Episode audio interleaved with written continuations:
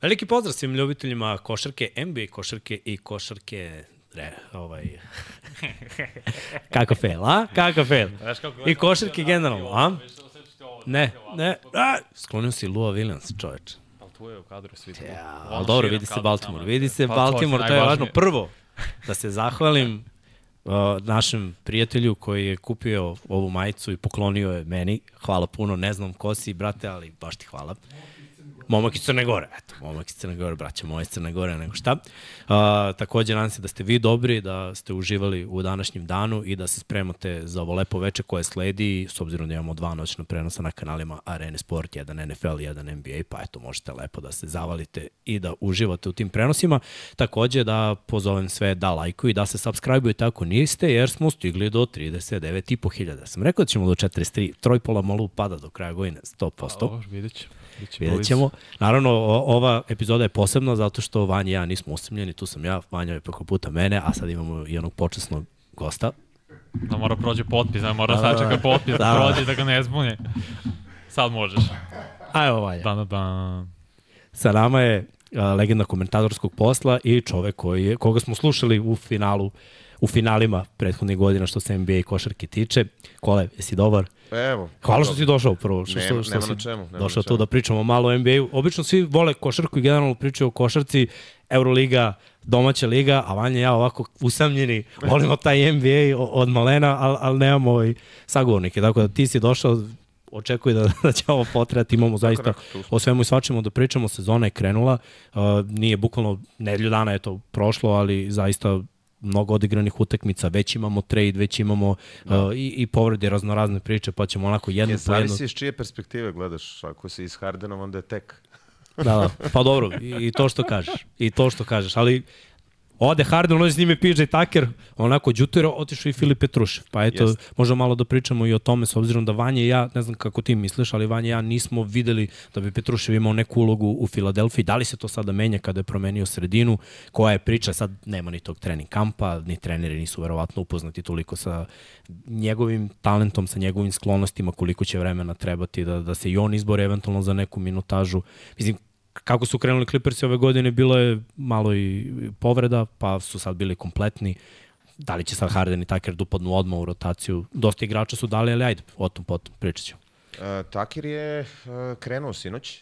Ovaj, on je došao, dobro, Taker zaštitni znak i spremnost. Ovaj, tako da a, on je već juče ušao u tu kratku rotaciju Clippersa protiv a, Lakersa koji su konačno uspeli da ih dobiju. Čekali su od mm -hmm. Babla ovaj, tamo neke 2020. godine da dobiju gradskog rivala i onda ono, ja, obožavam Amerikanci sa, sa, sa statistikama kad su izbacili ono kao Terence Mann ima 8-0 protiv Lebrona Jamesa. Ko sjajan podatak. Pa sećate se, bilo je ono, izvinite što te prekine, statistika za nekog koleđa igrača nije upoznao, nije video svog oca od 97. godine i ta nešto, kad taj ESPN izbaci neku suludu statistiku, da, da, da. to je ono, uvek neverovatno. Ovaj, Jeste, jeste, to sad teo da kažem. Da, jeste, da. jeste. Uh, suštinski, poslali su ga za keš iz Luku Mitrovića. To su ona, ona čuvena prava, ono kao koja ovaj, se nikada ne, ne, ne realizuju. Um, vidjet ćemo šta će da bude sa Petrušem u Kingsima, jer uh, oni su ga kako su rekli ovi NBA insideri, uzeli su ga na neku vrstu probe.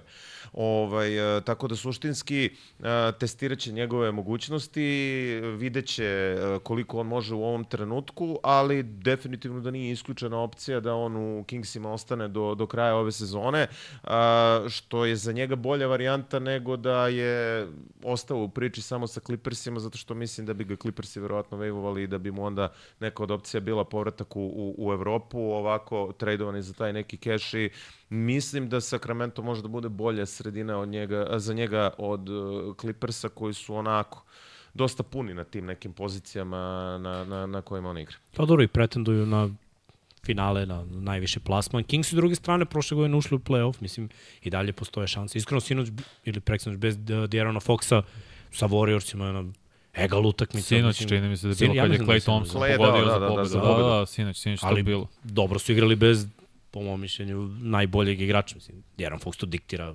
ritam mm. i baš je napredovao u poslednjih par godina. Tako da upravo si tu na visokim pozicijama, može da, da se ukaže neka prilika, pritom i Sabonis je evropljanin.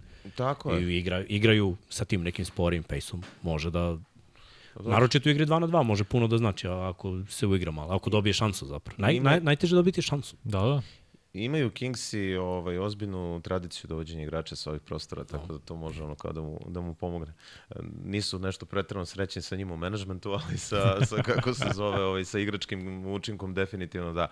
Uh, Ne znam sad, ovaj, što se Hardena tiče, uh, on ima način da ovaj, istera svoje definitivno i kada je odlazio iz Houstona, želeo da to bude Brooklyn, uh, onda posle svega što se izdešavalo u Brooklynu nekako imalo smisla da ode odande, on je želeo da to bude Filadelfija. I onda ta svađa sa GM, sa, sa, sa, sa Morijem, sa kojim je onako bio verovatno i najbolji prijatelj. Ovaj, o, da godinama ta saradnja njihova u Houstonu je bila takva kakva je bila. A, uspeo je da izgura svoje, da, da ode u Clippers-e i sada iskreno da budem jedno čekam da vidim kako će to da izgleda. Ovaj, sa Leonardom, Georgeom, Westbrookom i Hardenom, onako zubac će tu da bude u, u petorci. Uh, Ali da vidimo kako će to sve da se poklopi, hoće li da im bude dovoljna jedna lopta, kako će to da ide. Ovaj, to, to se ja uvek sezone. pitam. I bilo mi je tako i u Brooklynu, slično razmišljanje, kako će da igraju Kyrie Irving, James Harden i Kevin Durant s jednom loptom. Pa moraju, moraju da smisle način. Ajde, od KD-a i očekujem. On je već navik da igra sa drugim igračima koji troše loptu i mislim, nije bio sebičan tada. Često smo ga vidjeli da, da zna da napravi pravi play, ali ja od Hardena iskreno očekujem izolaciju, on je meni izolacija, brat, Nije, da se ali, uklopi sa ovima, mada, ko zna. Ali, ali ovako, Harden je uh, menjao svoju igru od nekoga ko je bio ono apsolutni skorer u Houstonu, uh, kako je vreme prolazilo, on je, bila neka onako vrlo interesantna ovaj, statistika koliko on imao asistencije od tog trejda u Brooklynu, to je sad neka cifra od preko 2000 asistencija u NBA ligi mm. u posljednje vreme, tako da uh, definitivno on će biti neko ko, ko, ko će moći da se podredi ovaj, ekipi, a koje suditi po onome što smo gledali i u Brooklynu i što smo gledali kasnije u, u, u 76ersima.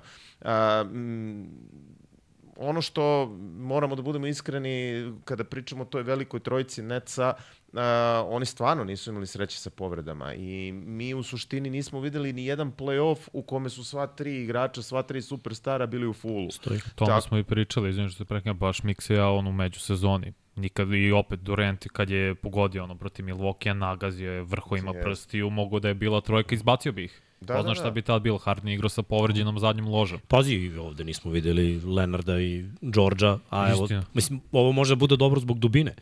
Ja samo čekam trenutak kad će neko od njih propustiti 10-20 utakmica. Čekaj, Srkije, možemo da vidimo ako nisi izbacio samo kak, uh, trade detalje ko je sve otišao, Nikolas Batum, Marcus Morris, Robert Covington, KJ Martin, pik prve runde 2028. To je baš daleko i dva pika druge runde i zamena takođe. S druge strane, kao što se već rekao, Miksa, Harden, Tucker i Petruše, na kraju Petruše poslatu Kingse. I ima smisla i za Clippers jer ovi veterani, pogotovo Batum i Marcus Morris skoro ništa nisu doprinali poslednjih par godina. Covington je zahvalan igrač, ima svoj moment, opet i njega su uhvatile godine ali žao mi zbog KJ Martina koji će imati sada dobru ulogu u Sixersima. A, pa dugo se pregovaralo oko, oko ovog trejda. Jasno je bilo da Harden hoće mm. u Clippers-e i jasno je bilo da će on to negde da izgura, mislim sve što je radio u, u predsezoni. Pa Liga to... pripada igračima sad, pričali smo ma, malo o pa tom. Šta ti misliš? Ti danas igraš šta pa. hoće, igraš dobije na kraju. Već Lillard nije dobio nije. ono šta je teo, to je nevjerovatno Harden, no. koji dobio nije drugo najbolje franšizima. Nije, ali, ali ako pričamo o Lillardu, pa ja mislim da je ono kao Milwaukee bolja sredina za njega od uh, Majamija. Jer ova ekipa je negde idealna za, za, za, Dejma. E sad, uh, ja mislim da će Milwaukee onako da raste. Ok, oni su Sinoć su, su jesu sinoć? Dobili su, da. da po, da, posle poraza od Atlante, poraza od Atlante, dobili su 122-114 je valjda bilo. Tako je, ali ono što je naj, najluđa stvar sada za Milwaukee, oni su najgori uh, tim po defanzivnom ratingu posle prve nedelje. Da. Sad, ok, da li je to zato što je lider to više nije Holiday, sigurno ima ne, deo toga. Su, ne, ne, sinoć su izgubili, Raptorsi su ih sredili sinoć. Raptorsi su ih dobili, dob, dobili ubedljivo. Moguće ne bude zapad. Da, da. Da, da, da. Ne, Raptor, tri utakmice u posljednjih par dana, pa... Je, jeste, jeste, tako da su oni sada na, na, na, na, na 3-2 skoru. A, Ili 2-2, mislim da imamo. Ili Milwaukee. 2:2 čak. Da, da, sad ću provjeriti. Vi ste radili kad smo i mi radili utakmicu kad su pobedili, to je prvo ta, sa filmom, da. da. I, i, tu je, I tu je Lillard eh, pokazao koliko će on značiti toj ekipi. I mislim da je i Lillard negde idealno potpisivanje za, za Milwaukee, ali mislim da je i Milwaukee jako dobra sredina za, za, za Dejma, s tim da bit će mu potrebno vreme. On je čekao taj trade i uh, stigao je onako prilično kasno u taj trening kamp i videlo se u tim predsezonskim utakmicama da će biti potrebno malo vremena da on klikne sa, sa, sa, sa tom ekipom, ali mislim da Milwaukee sa, sa njim dobija baš onako jedan kvalitet koji im je nedostajao, ono, ako imate Janisa, hoćete da se ok okružite šuterima, pa on... A, pravog beka šutera nisu imali zapravo. Da. Mislim, Drew Holiday je jako dobar na prodoru, defanzivno je institucija, ali nije šuter. Osim Middletona, bukvalno nemaju na koga da se... Os oslanjaju se na ćoškarenje Bruka Lopeza. Da, i služi PG Tucker dok je bio u Milwaukee da Pa isto- bude baš ta opcija, corner, čoškar klasičan, ali to je to što se ti... Mislim, Malik Beasley mislim da će pronaći sad dobru ulogu upravo zato što je više spot-up shooter, više odmah diže na keca nego ove ostali što su preigrali za Milwaukee, ali da se vratimo na Hardina i da upravo si sinoć izgubili od Toronto 130 19 111. Baš, razlike. Da, Scottie Barnes je odigrao baš dobro. Da. Ali to će morati Milwaukee da rešava dok bude trajala sezona. Ta odbrana pre svega, kao jer opet u drugoj utakmici Lillard imao 6 poena. Što Da, je da. nakon bilo šokantno, nakon 39, u prvoj je ono izdominirao 17, 117 bacanja. Ali imao šuteve, znaš. Da, imao je šute, samo nisu nije ulazio. ulazili. To je možda, mada, znaš šta, ja od svakog šutera, pa čak i od najboljih od Karija, očekujem jedno veče kad ništa neće ući. Da. Mislim, ima on te epizode, šutne 15 trojki, da jednu. Dešava se svake On je najveću krizu, Stef je najveću krizu imao kada je oborio rekord. E, tu je bilo Pritisak onako- ogroma da obore. Ne, ne, kad ga je oborio, e, onda je krenuo da promašuje kao nikad u karijeri. Ono, kao, okej, ono, došao, došao je realan, dao mu je trofej i onda je krenulo, krenulo najveća krizu koja je bio u karijeri, ali onako za onu titulu koju su osvojili ovaj, u pretprošloj sezoni, opet je bio onaj stari. Ti si spomenuo sad kako će se uklope Westbrook, Leonard, Paul George, Harden, oni moraju da se Da, uklope da li nekako. vidimo eventualno Westbrook kada kreće s klupe? Ali to njemu ne leži. Pa znam da mu Nije- leži. Mm, on je pričao o tome, njegov čitav uh, navika i ono što sve što radi pre same utakmice, uopšte ne zna kako da se snađe u tim momentima. Kaže da se zato povredio kad je bio Lakersem, Lakersem kad je ulazio s klupe, jer sve ono što radi pre utakmice, zagreje se sve da bi startovao. Možda i sad startuje, odigra 3 minuta, 4, odaje na klupu da bi opet krajem četvrtine ušao s ovima koji su rezerve i tako preuzeo igru i vodio računa o rezultatu i dobio te svoje brojke dok su ovi ostali na klupi. Jer sva četvorica su iz Kalifornije, iz zapravo približnog okruženja LA-a, ali ono što je najvažnije za Kawhi i Paul George, oni imaju igračku opciju sledeće godine. A Clippersi otvaraju novu halu sledeće godine. Sigurno bi hteli da se vrati. Svim Ta, no star. novu staru, da. A, A se, sele se u Great Western Forum. A voli Steve Ballmer kako je lepo to napravio pres konferenciju i sve objasnio. Ovo je sve novo, ovo je sada naše. I verujem da postoji odličan hype uh, zbog toga, ali i za svu četvoricu ovo možda i poslednji tim za koji će igrati, jer u godinama su polako, odatle su, ne verujem da žele porodice da sad sele u druge gradove, nema smisla, pogotovo za Kavaja, Paula Georgia i, i Westbrooka, Harden, ne znam kakva je njemu situacija što se tiče privatnog života, ali verujem da bi hteo da ostane u LA-u. Nema smisla dok uh, Benjamin ne zna šušte. pa, onda viš kako se sele odmah. Spakovani su sutra već. Vidi Hardenov se spakuje. On je već spakovan. Verovatno se nije ra- raspakovao. Ne znam, da vidimo da li će oni uspeti da razbiju tu kletvu ovaj, uh, Clippersa. Uh, imaće oni tu dubinu sa, sa, sa, sa tim nekim mladim igračima i tako dalje i tako dalje. Ovaj, dosta su se lomila koplja oko Terensa Mena koji je na kraju rekao evo ja sam odahnuo posle ovaj, kada je ono trade završen zato što se plaše da će on biti u toj nekoj grupi igrača koja će, koja će napustiti LA koja će napustiti Clipperse. Na centru su jako dobro pokriveni sa Zupcem i sa Plamlijem koji igra, igra sjajno. Uh, Ovo što smo pričali vezano za Westbrooka, Uh, kao što mislim da će se poklopiti stvari za Lillarda i za Milwaukee, tako je ono obostrano užasan trade bio Westbrook u, u Lakersima. Uh, Lakersi koncipirani onako kako su bili koncipirani sa užasno malo šuta, bez šuta je u modernoj košarci Pa nemoguće igrati i Lebron NBA. bez izlaznog pasa, to nekako Ma, mi nije bilo realno. Onako uzak teren, kad se onako dodatno skupi, kada ti ne možeš da raširiš, a Lakersi stvarno nisu imali čime da rašire u, u tom nekom periodu i onda su sve te neke mane Westbrooka došle do izražaja. Oni su se nadali da će Westbrook da bude taj koji će da vuče, da malo odmore Davisa, da malo odbran, odmore Lebrona, da će onda bude taj koji će da ima ono neke svoje triple-double, da daje neke pojene i sve ostalo, to se jednostavno nije desilo i odmah posle tog njegovog prelaska u, u Los Angeles Clippers-e videlo se koliko su Clippersi kao ekipa kompatibilniji sa, sa, sa onime što igra Westbrook i odmah je to krenulo da izgleda mnogo bolje nego što je izgledalo u Lakersima gde on stvarno, ono, objektivno govoreći, izgleda užasno i gde malo ko u ligi je bio spreman da uh, opet ponudi bilo šta smisleno za, za Russella Westbrooka, isto kao što se nisu otimali timovi u ligi ni za Jamesa Hardena. To, o tome smo baš pričali kad je krenulo free agency period i sve početkom jula i ja sam rekao, ja ne znam koji tim bi ponudio Hardenu višegodišnji ugovor. Čak ni taj Houston, koji da. se spomenio i sve, ja sam rekao prvo otimaš loptu mladim igračima, Jalenu Greenu, Shengunu i tako dalje, Jabariju Smithu i nema poente da sad Harden dolazi, on, će, on je i pričao, to smo posle saznali u, u razgovoru sa uh, Judokom, kao ja želim da budem najbolji strelac u ligi važi zdravo doviđenja, ipak nećemo onda tebe nisam potpisati. Naš, nisam stvarno na parketu, već mali u slačionici. Ja počinjem, znaš, kao bivši igrač u nekom sportu da razmišljam taj čovek u slačionici za neku timsku hemiju nikako nije dobar. Jer, znaš, treba da bude neka lepa atmosfera i sve. On i sad se samo seli iz ekipe u ekipu i uvek s nekim bude prijatelj, pa bude neprijatelj, pa onda posle se pomire, pa bude sa GM-om prijatelj, pa neprijatelj. Znači, čovjek ima očigledno nekih problema da, yeah. znaš, da, da spusti loptu, da se smiri.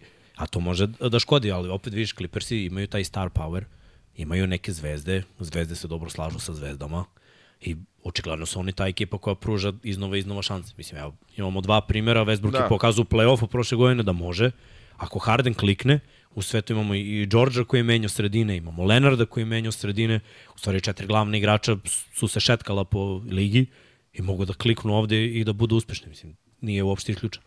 Suštinski tu je Kawhi Leonard, jedini koji je osvajao uh, titulu i to dva puta i oba puta je bio u ulozi protagoniste, naročito u Toronto Raptorsima, to je onako uh, pečat, ovaj, baš njegov bio u, u tom, u tom play-offu uz dužno poštovanje svega što je odigrao i Freddy Van Vliet i ostali igrači mm. koji su koji su doprineli osvajanju te šampionske titule za uh, Raptorse. Uh, mislim da je najveći problem suštinski, svi znaju ko je James Harden i svi znaju te neke njegove navike i svi znaju da može da se desi da negde gde su dobri striptiz barovi, ovaj, se ne vrati baš sa ekipom odmah, ovaj, da se ne vrati baš odmah sa ekipom uh, tu noć, nego da dođe noć kasnije, ali uh, mislim da je mnogo veći problem bio čega mi treba da se odreknemo da bismo doveli Hardena.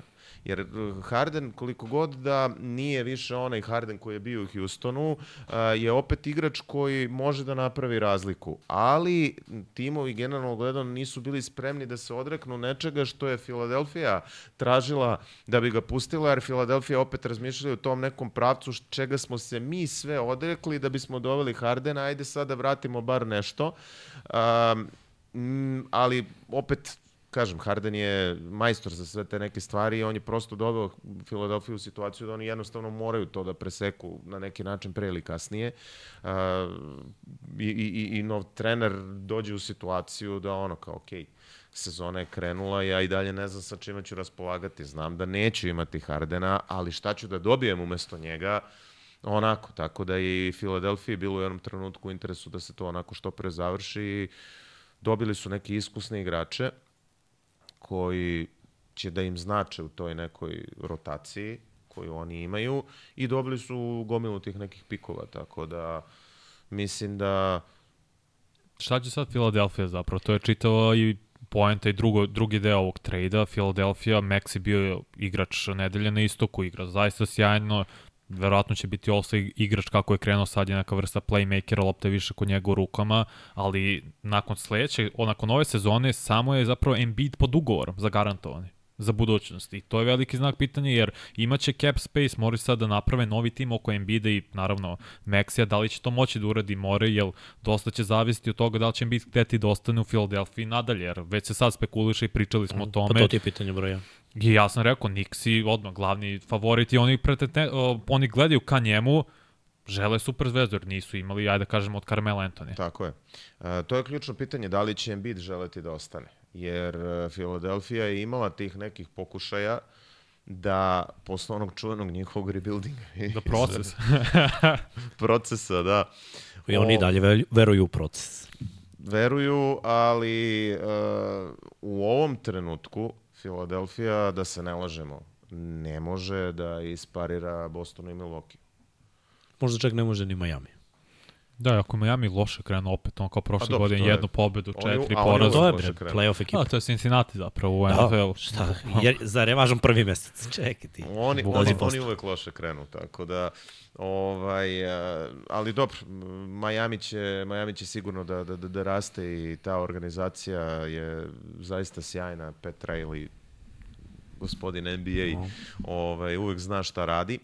A, da se vratim na Embida, uh, pitanje je koliko će Embiid imati, imati više strpljenja, mhm. jer uh, onako, mislim da on negde duboko u sebi želi da dođe u priliku da se, da se bori za titulu. I nema on sad vremena za neke spektakularne rebuildinge, nema on sad vremena da čeka nekoliko sezona, da se opet napravi ekipa i sve ostalo. Mislim da će on želiti da u nekom kratkoročnom periodu dođe u sredinu koja će da bude onako konkurentna za, za, za osvajanje prstena. Činjenica je da je u ovom trenutku istok slabiji u odnosu na, na, na zapad, da se kvalitet opet nekako koncentrisao na, na zapadnoj konferenciji koja će da bude onako pa, vrlo, vrlo zanimljiva. Neizvesnija dosta. Pa mnogo Ovde se već kristališ u principu koji šta ja za zapad, baš smo prošle nedelje davali prognoze. Kao šta mi mislimo čovječe, naborim prve 3-4, kreće ono, Da. A razlika između petog i desetog mi je jedna ili dve pobede u glavi, nešto, nešto što razmišljam kao prošle godine nemaš predstavu šta će se desiti na istoku, a nje više znaš ko, ko, ko neće da uđe ni u play-in, ko će ući Jest. u play-in, a neće biti u top 8, ko su prve četiri ekipe, mislim mnogo lakše prve dve odrediti na istoku nego, nego na zapadu. Pa, ja, mi, da. ja mhm. mislim da ako ne bude nekih sad onako povreda ili, ili ne znam čega, zaista bi bilo senzacionalno da Milwaukee i Boston ili Boston i Milwaukee opet ne budu tu pozicije, pozicije 1 i 2. Filadelfija verovatno tu na, na trećem mestu, jer znamo kako je Embiid u stanju da povuče u, u, u regularnom delu sezone i opet ima tu igrača koji, koji su tu, mislim, oni su manje više su zadržali to neko jezgro iz, iz prošle sezone, koji znaju kako vidjet ćemo samo kako će Nick Nurse sad sve to da, da, da ovaj, uklopi, pošto se dok vrati u komentatorske vode. Da. Da, bit će to svako zanimljivo i Embiid je opet sjajno krenuo, očekuje se od Tobiasa Harrisa takođe da po one, beleži 20 po utakmici, jer mu to nedostajalo i Sixers su napravili ključnu grešku kad je bilo pitanje Jimmy Butler ili Harris. Ponudili su ugovor Butleru, he, uh, pardon, Harrisu, Butlera su na kraju tradeovali, hteo da ostane, možda bi sad već imali mnogo više uspeha. Na kraju Butler napravio mini eru u Majamiju i tu dinastiju od četiri godine, dva finala, tri puta finale konferencije, dok Sixersi nisu otišli u finale konferencije od Iversona. Tako je. A Embiid će sledeće godine napuniti 30 godina. Da, da, nema To je ključna stvar zapravo. Godine ne, nema, da stižu, a još ima probleme s povredama. Nema on toliko, toliko godina sad da čeka da se opet sklapa. Pritom si i menja dosta.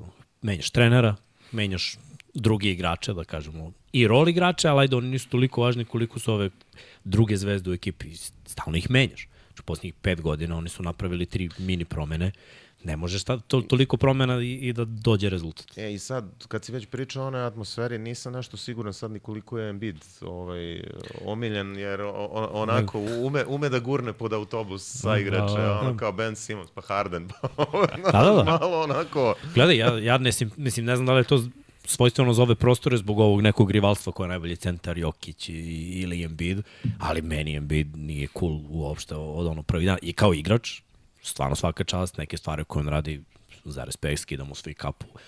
Pokretljivo samo za tolikog čoveka je, znaš, van svakog smisla. Ja nisam video mnogo tolikih ljudi koji se tako dobro kreću kao on. Pritom ima sjajan šut od svih centara. Najviše verujem u njega Jokića. Kad budu folirani da stanu na liniju slobodnih bacanja, to je ono davno, davno zaboravljena vrednost da čovjek bude foliran i dva, da, dva slobodna bacanja. Međutim, kao čovjek, i ovo što sad sa rep reprezentativno, oh, hoću da igram za ovo, hoću da igram za ono. Znači, manje više. I ovo, mislim, što kažeš, što ne možemo sami Harden ja. Znači, na kraju utakmice kaže ne možemo sami Harden ja. Pa, Mislim, pazi da je u NFL slačionici imao bi ozbiljan problem nakon konferencije za štampu, ali ajde ovako. Nikako to ne može. Ovaj, e, meni, meni samo da se naslone na tu tvoju priču, uh, nije jasno zašto, pošto je on ogroman, neverovatne dimenzije tog čoveka, meni nije jasno zašto on više ne igra leđima ka košu. A, to, to ne, ne znam da protiv ne znam da pričali. Znači, bio je moment kada ga čuo Marko Smart u seriji. Ništa, sve s polja. Možda je tad imao ok povrda kolena, on u play-offu izgleda svake godine. Vanja ga stalno nešto. brani za ovu povredu. Da. Brate, toliko je veći od Horforda, treba ne, znači da ga ugura i loptu u njega u koš. Ali mi nije jasno, i to sam i pričao, i nažal ne možemo sad da, bre, da uradimo analizu snimka i poteza, ali mi nije jasno zašto ti nije lakše da igraš leđima, a da ne radiš uh, side step, step back, znači to ne uzveče više na koleno, nego ti sada da igraš leđima, da izmaraš Horforda svojom veličinom, težinom konstantno, ali on se stalno izlače na šut. Stalno i stalno i stalno. I stalno. A nedostaje će mu Harden. Po, pogađa veliki Sigurno. Pa. Imali su najbolju pick and roll igru prošle godine. Gle, Harden je doktor pick and roll. To, to, ja iskreno, znaš, da staneš kao defanzivac za Hardena, nemaš pojma kako ćeš da ga braniš. Prvo je levoruk. Ima dupli step back, ne možeš da dođeš do te lopte, em je težak ugo jer je levoruk. Kada krene na ulaz ili floater ili lob, uvek ti uhvati tvoju ruku, krupanje, zna spusti rame, inicira e, kontakt. Čovjek ima sve i onda u toj 2 na 2 igri, ja mislim samo Jokić i Mari imaju bolju 2 na 2 igru od Hardena mm. i nekog centra koji je, da kažemo, na nivou Embiid. Hoće da kaže da će Zubac sada da zapravo ima svoju najbolju A, godinu. Gledaj, neće. Neće, e, zato što, ne, neće zato što mnogo, da, mnogo ima usta, znaš, oko. Yes. Ne, ne mogu oni da igraju ti 2 na 2 kao Kavaj i Čekaj korner, pa da. Su nastavili ono kao, e, baci na Zubac će dobiti on svoju porciju nekih lopti, ali baš da će on da, da bude prva napadačka opcija, sigurno neće, ali uh, što se reprezentacije tiče, meni je ovo legitimna stvar. Ovaj, Embiid je uh, mnogo više Amerikanac nego što je Francuz. Neko ko je... Pa ja imam problem Dobro, što ne igra, mi smo imali ja imam drugu ideju. ne igra za Cameron. Ja ne, to mene bo, što oni s Jakam ne igraju za svoju državu, a mogu i bili bi zabavni, igrali bi olimpijski igre 100%. Č, čin, činjenica jeste... To mene boli ali, jedino. Ali, ovaj, da, definitivno želi da ovaj, osvoji nešto i sad ono, ako Nažalost, nije bila realna opcija da zaigra za kameru. Oh. Nažalost, ja, nije. Ove, I onda kada se svelo na Ameri Amerikance i Francuze, pa meni je logičnije bilo oh. da odabere Amerikance, ne, to, zato što kažem, on je da, mnogo više Amerikanac to je kako će da bude plaćen niko vama ili onamo sve jedno mi je. Neko... Ba čak ja mislim da. da tu nije više toliko stvar ovaj, novca. Jednostavno on onako želi da osvoji nešto sa, sa, sa reprezentacijom i sad mu se otvorila varijanta da to bude zlatna olimpijska medalja. Pa, Tako da... Srki, ajmo neki drugi potpis, Vanja to spremio, pa ćemo mi da menjamo teme malo, pričamo o svemu i svačemu i na kraju ćemo pogledati rezultate i najavu nekih utakmica. Ko može da parira Denveru na zapadu, to je ovde pitanje. Denver je krenuo sjajno ove sezone, treba reći da su na zapadu za sada, u top 3 imaju 4-1. Jedini neporaženi na zapadu su Mavsi, ali ono što sam ja video Denvera mi ono, skroz ok za sada i očekujemo da će imati oni tu po neki pad. Pa dobro, Ali evo... vidi, vidi se, prvo sam se plašio bez Brusa Browna, da će biti malo problema defanzivno, nije toliko strašno. Mislim, opet treba reći da mnogi igrači već propuštaju na, na samom startu neke utakmice, manje više i raspored je bio Denveru ok, nisu igrali protiv nekih vrhunskih ekipa, ali dobro, vidjet ćemo ih i tako. Uh, da li neko može da im parira na zapadu? Ja krećem uvek od pozicije centra. Koji centar na zapadu? Može da parira Jokiću ili da ga uspori u ovome što on radi. Šta misliš, zašto je Jusuf Nurkić došao u Sans? Za to i Vanja stalno priča, ali znaš šta, ja ne verujem prvo da će Nurkić igrati celu sezonu, pošto uzorak u posljednjih... Ne, ne, ne treba, onim treba za playoff seriju. Pa dobro, da. Gledaj, slažem se u potpunosti. Playoff kada dođe ima mnogo opasnih ekipa ko, koje mogu da, da, da ugroze Denver. Ali ako Denver bude prvi seed, mislim da je to velika snaga Denvera, a kroz regularni deo oni mogu jer igraju nekako najmanje se troše zvezde u Denveru, jer igraju timski. protok lopte je jako dobar. Uh, defanzivno su takođe jako dobri. Pronašli su prave igrače. Mike Malone je tu godinama. Oni su ekipa koja je gradila najlepše po mom mišljenju. Jer su imali jedan isti kor i samo su promenili par igrača slobodnih agenata, doveli neke iskusne veterane, kao što su KCP i Aaron Gordon koji je kliknuo, ja mislim, najbolje u svojoj karijeri ovde u Denveru, pronašao apsolutno svoju ulogu. Po, podelit ću ovaj, uh, anegdotu jednu iz uh, slačajanice Denvera. Bili smo tamo u decembru mesecu ovaj, prošle godine. Uh, Aaron Gordon svako malo kupi Jokiću neki poklon. Znači svako malo je to neki poklončić, da li ovo, da li ono sitnice, neke malo skuplje poklone i sad u jednom trenutku Jokić je postoje pitanje, dobro čoveča, što? Kako što, kaže, ja nikad bolje u karijeri nisam izgledao. no, koliko poena ja postižem na račun tebe i koja je to saradnja. Ne, to je definitivno najbolji pik četvorke i petice koji postoji u NBA ligi u ovom trenutku i ta njihova saradnja je, je ovaj neverovatna. Uh, puno toga će zavisiti od Reggie Jacksona ove sezone. Ako Reggie Jackson bude blizu onoga što igra u njegovoj najboljoj sezoni u Clippersima, to će da bude izuzetan benefit za, za, za, za Denver. Uh, Watson bi trebalo, i to, to se već sada o, vidi, da. da dobije tu neku minutažu koju ima Uncle Jeff. Uh, još jedan zaista izuzetan atleta. Uh, očekujem da će pre svega Stroter od ovih uh, rukija da kako sezona bude odmicala da će on da bude taj mm. koji će koji će dobijati šansu već je jasno da je Zik Nađi uh, taj koji će da bude uh, neko ko odmara E, Nikolu Jokića u većoj ili u manjoj meri. E, naravno, kada dođe playoff, svi tu skraćuju rotacije i smanjuje se broj igrača e, koji igraju, ali mislim da je ceo ovaj posao da su Sansi videli da Ejton ne može ništa Jokiću ona dominacija koju Jokić prikazuje u toj seriji protiv Phoenixa je nešto što je definitivno zabolilo Sanse. Uh, i mislim da je cela ova kombinacija oko dovođenja Nurkića, jer je Nurkić iz nekog razloga, uh, al, ba, baš, baš smo pričali u, u, u ovoj našoj emisiji koju imamo na, na, na, na areni, koliko su te neke stvari čudne. Uh, Davis jako teško igra protiv Jokića. Uh, Nurkić ne može da uradi ništa Davisu defanzivno, a uh, jedan od redkih, ako ne jedini igrač sa kojim Jokić ima problem je Jusuf Nurkić. Uh, tako da tu ne, ne mogu baš neke, neka pravila i neke zakonitosti da se izvuku, ali mislim da poučeni tim nekim defanzivnim učincima koje je Nurkić imao protiv Jokića u nekim prethodnim sezonama, da je to jednostavno bio najbolji izbor za Sanse. Meni je jako interesantno, ja čekam da vidim kako će oni izgledati kada sva tri superstara budu da. na, na terenu. Tako Ovo je isto malo bilo poražavajuće, znači, i Booker i, i Bill na klupi, i Durant igra solo. Da, protiv Lakersa, mislim, Booker propustio, pardon, Bill je propustio sve utakmice. Spurs. Jeste, jeste, po, samo je prvu utakmicu. Booker je samo prvu odigrao. Da, odigrao da. sjajno, izdominirao. Posle toga nije igrao, bilo uopšte nije igrao ove godine i Ne znam zašto je to tako, da li ih već sad omaraju nevre, možda mislim da su zaista ozbiljnije malo povrede, da ih nećemo vidjeti još nedelju dana, ali slažem s tobom Nurkić, s druge strane Denver i Christian Brown sigurno će igrati bolje, Peyton Watson, ja sam odušen njim sa UCLA još kad je igrao tamo, ali vidjet ćemo da li će još neko morati. Možda, možda Justin Holiday će dobiti svoje minute ako neko bude ili povređen ili bu, i bude ispao iz rotacije, ali imaju Denver kad sam na papiru, to je kad smo gledali, ono, prolazili tim, kao ok, imaju tu dubinu. Jesu otišli i Bruce Brown i Jeff Green, sve to stoje, ali to su sad mladi igrače koji će ono, dobiti svoju određenu minutažu. Brati, I... njihova 2 na 2 igra Ja stvarno pa da. dugo nisam imala nešto bude ovako lagano i onda se ubati treći, što rekao si, kombinacija sa Gordonom i Jokićem, da oni iskoristio mismeč ono prošle godine protiv Majamija kad oni kao rotiraju bilo ko na Gordonu, to nema šanse, ba, baš je bilo. A Debajo je manje od Jokića, kogoda je niže na, na Gordonu, bilo je rešeno ovako. Pričali ste o tome u, u direktnim prenosima i stvarno je bilo smešno, lagano, ali o, ovo će biti teže. Pa ajde, mi sad kao stavljamo Clippers u, u sam vrh, da kažemo, potencijalnog osvajača.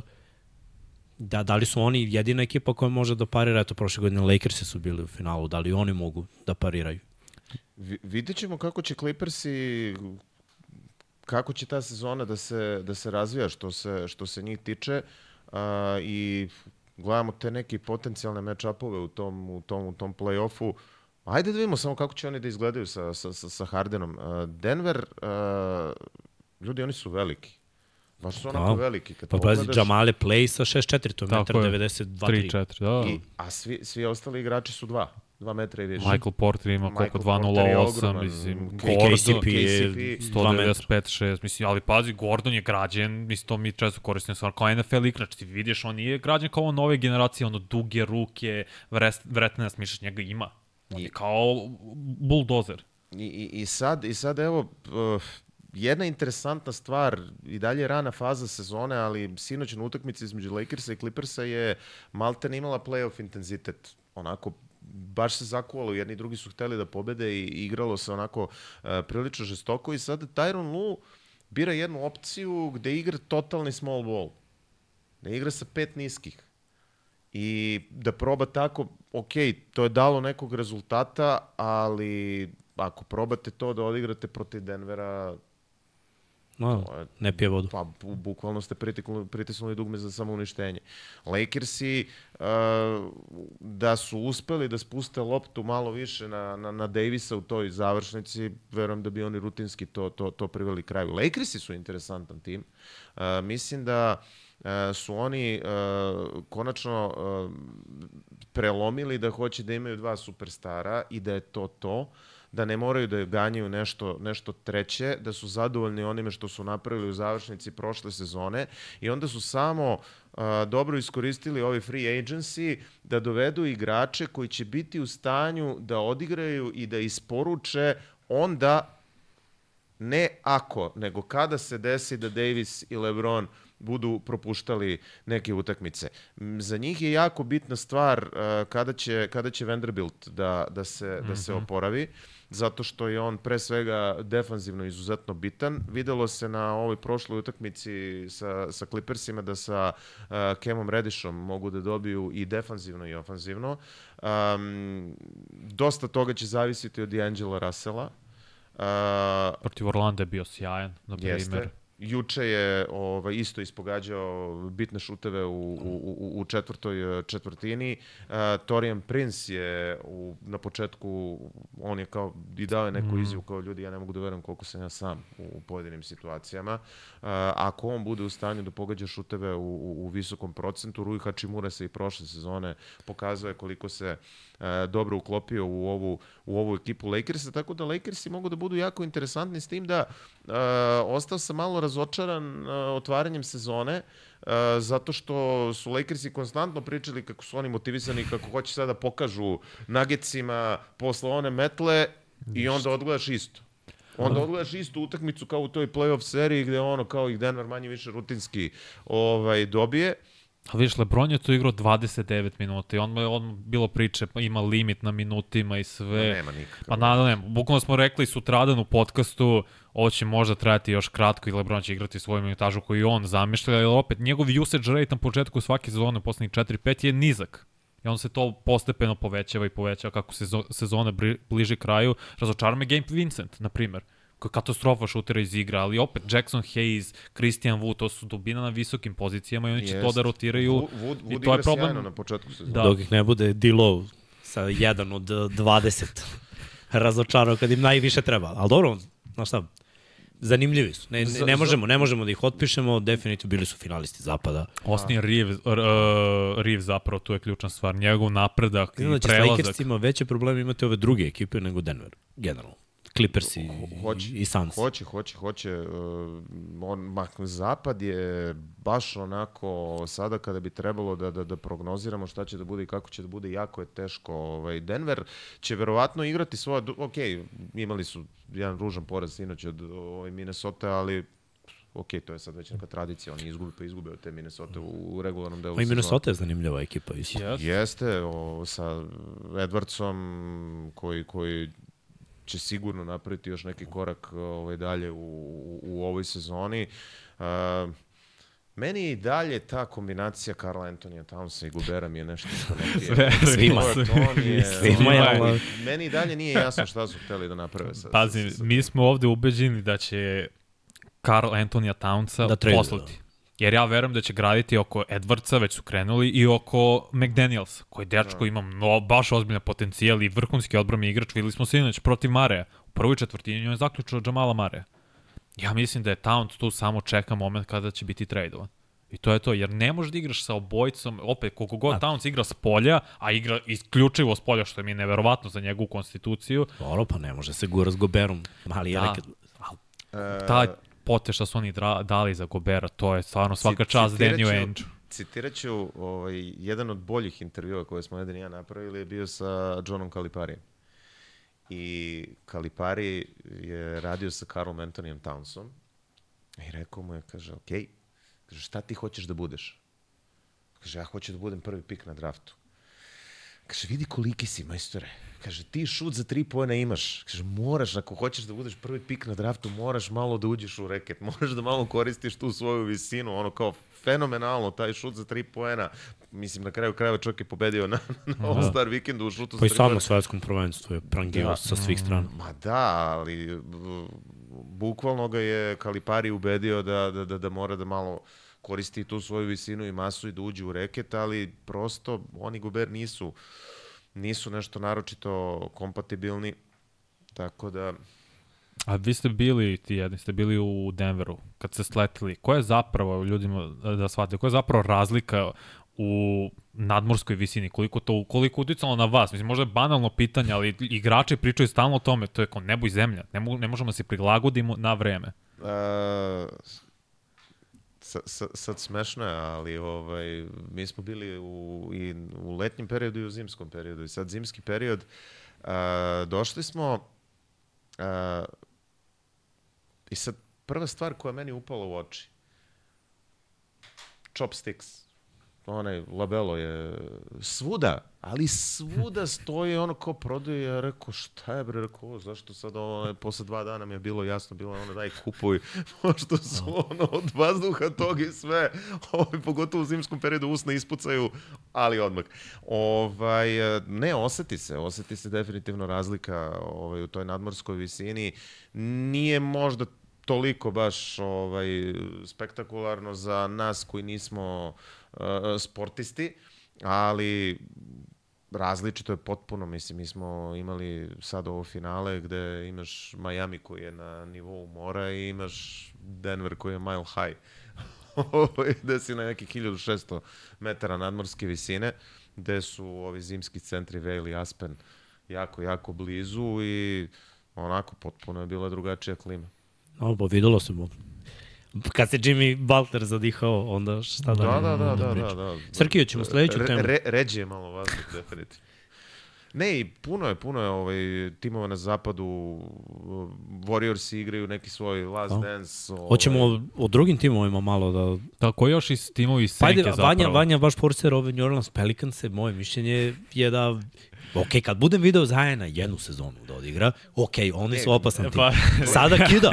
Gle, gledaj, gledaj, na početku izgleda dobro. Sad iz- Izgleda ubija. stvarno dobro i, i recimo, eto, Pelicansi su... Mislim, gledaj, on izgleda isto, samo što kida kako igra. Da, da, ja sam rekao Zajan, to Srke najviše o- o- oboža kad to čuje. Zajan je igrač u teoriji. Dok ne bude odigrao lepo većinu sezone, jer propustio dve trećine svoje Sad karijere. čujem, sad čujem, tipa, uh, gledao sam highlight, nisam gledao utakmicu i komentator priča, dao je 3000 poena u karijeri. Ja se ovako vratio u neku, on je već neko vreme bre u ligi, tek sada Da. 3000 poena. To samo govori o tome koliko je neiskorišćen potencijal, koliko je utakmica propustio. Mm. Kad igraju s njim, moraš da ih staviš u, u priču, oni su nezgodna ekipa, ali pitanje je da li mogu da, da, da istraju. Warriorsi su mi isto zanimljiva ekipa, što kažeš, Last Dance. Vidi, vidiš na momente Chris Paul da, da zna da otvori druge igrače. Steph, Steph je Steph, ali ja od Wigginsa sad moram da očekujem da Wiggins bude broj 2, jer Mora. od Kleja šta smo videli sad na ovoj utakmici ništa do tog posljednjeg šuta. Ima šta, 14 pojena, tako nešto. King, Kingsi će da budu dobri, No. definitivno. Sacramento će da raste, jedno onako mlado jezgro, interesantna ekipa.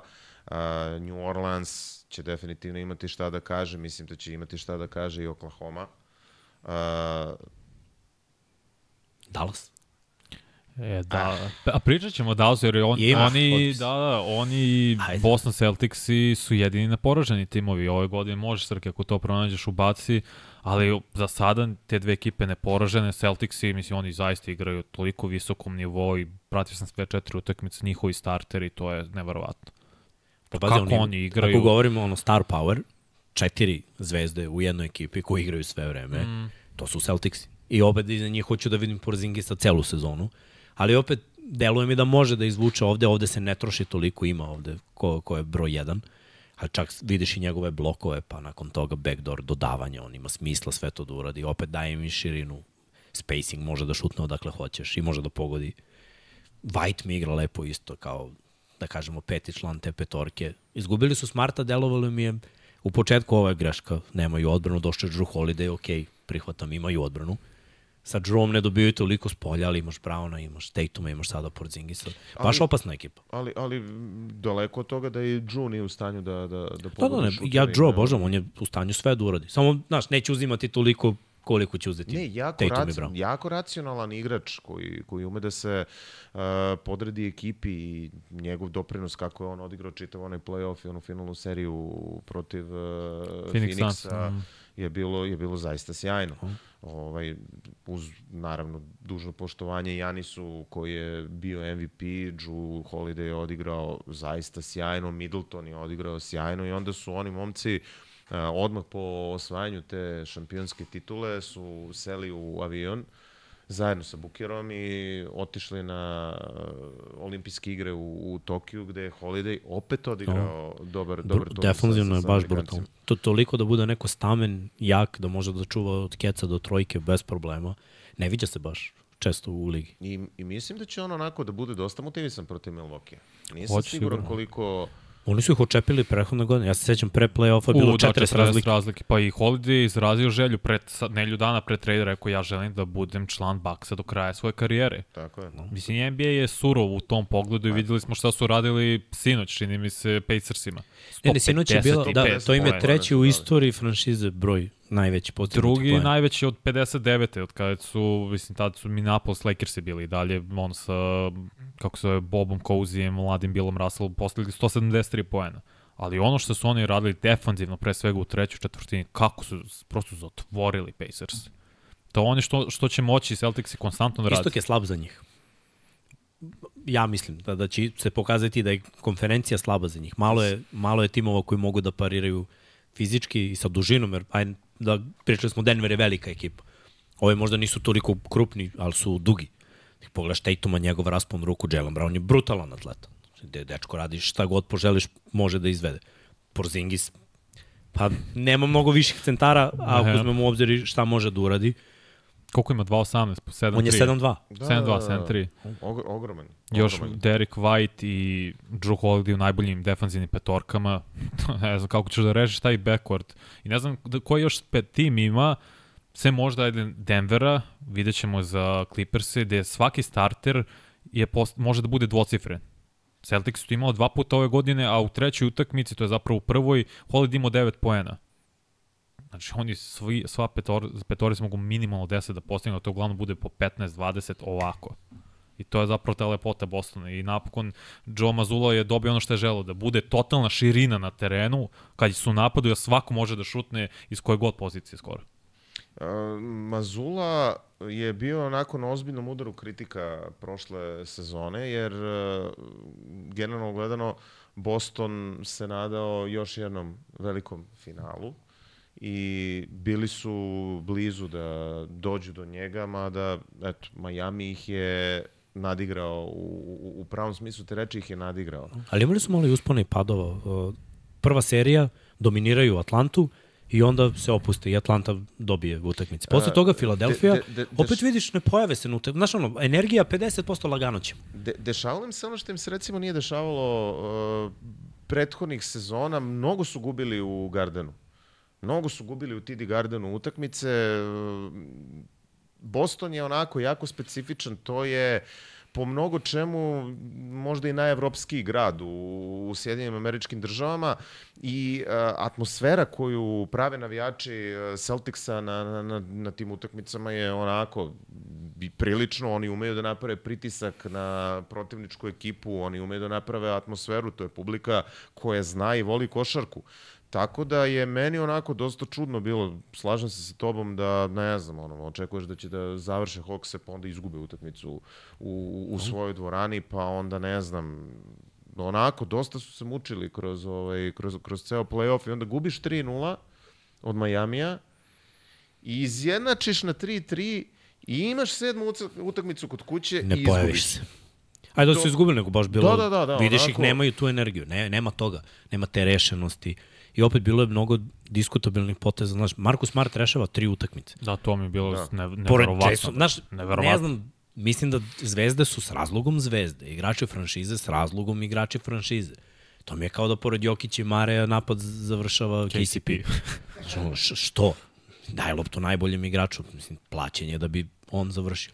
To su bile neke čudne stvari. Ali ove godine Znaš, mogu da očekujem da Porzingi završi napad, mogu da očekujem i Brown i Tatum, pa zašto da ne i Holiday, mm -hmm. ako mu se, malo su bolji što se tiče startne petorke. Njima je klupa zapravo ta dubina tokom play-off opet ti si pričao tamo skraci rotacije na sedmoricu, možda osam igrača, kako će tu da se prilagode, moraće Horford sa klupe više da to prenese, produžili su ugovor Pričartu koji za sad igra dobro kao čitava ekipa Bostona, jer opet dominiraju, to i bit će tako i verujem, možda će imati bolji uh, bolju poziciju nego Baxi, zato što Baxi možda treba malo više su igre, pre svega defanzivno, samo moraju da provale koji su limiti Lillarda. Dosta i poznatih i analitičari bivših sportica pričalo da ne igra možda odbranu, ni igrao, to je u Portlandu, ali možda će igrati bolje u Milwaukee, zato što je nova energija. Sada igraš za nešto, igraš za titulu, možda ćeš više i želeti da igraš odbranu, ali s druge strane Dallas, nije otkuda 4-0. Nisam očekivao. Luka Dončić, prve tri utakmice. Da, da, nije igrao poslednje dve, a Don, Luka poslednje, to je prve tri utakmice predvodio tim po poenima, skokovima, asistencijama, jedan igrač ikada ko je to uradio. To je ne, znači šta radi Luka Dončić, pogotovo protiv Vembanjame kao sav hype to, da. ugasio ih je samo. No ja, ovo neki potezi. Koliko igrača ima onaj range? To napravi fintu, šuta, fintu prodora i onda odradi step back, Naravno. pljasni iz 10 metara, ono ide ko kap. E, meni je Luka Dončić budući MVP ligi. To će se desiti u jednom trenutku, pre ili kasnije. Da li, da li misliš već... da je moguće sa, sa ovakvim rosterom, sa ovakvom ekipom da, da, da može? Da bude MVP lige? Pa, moguće, mi, to sam baš hteo da kažem.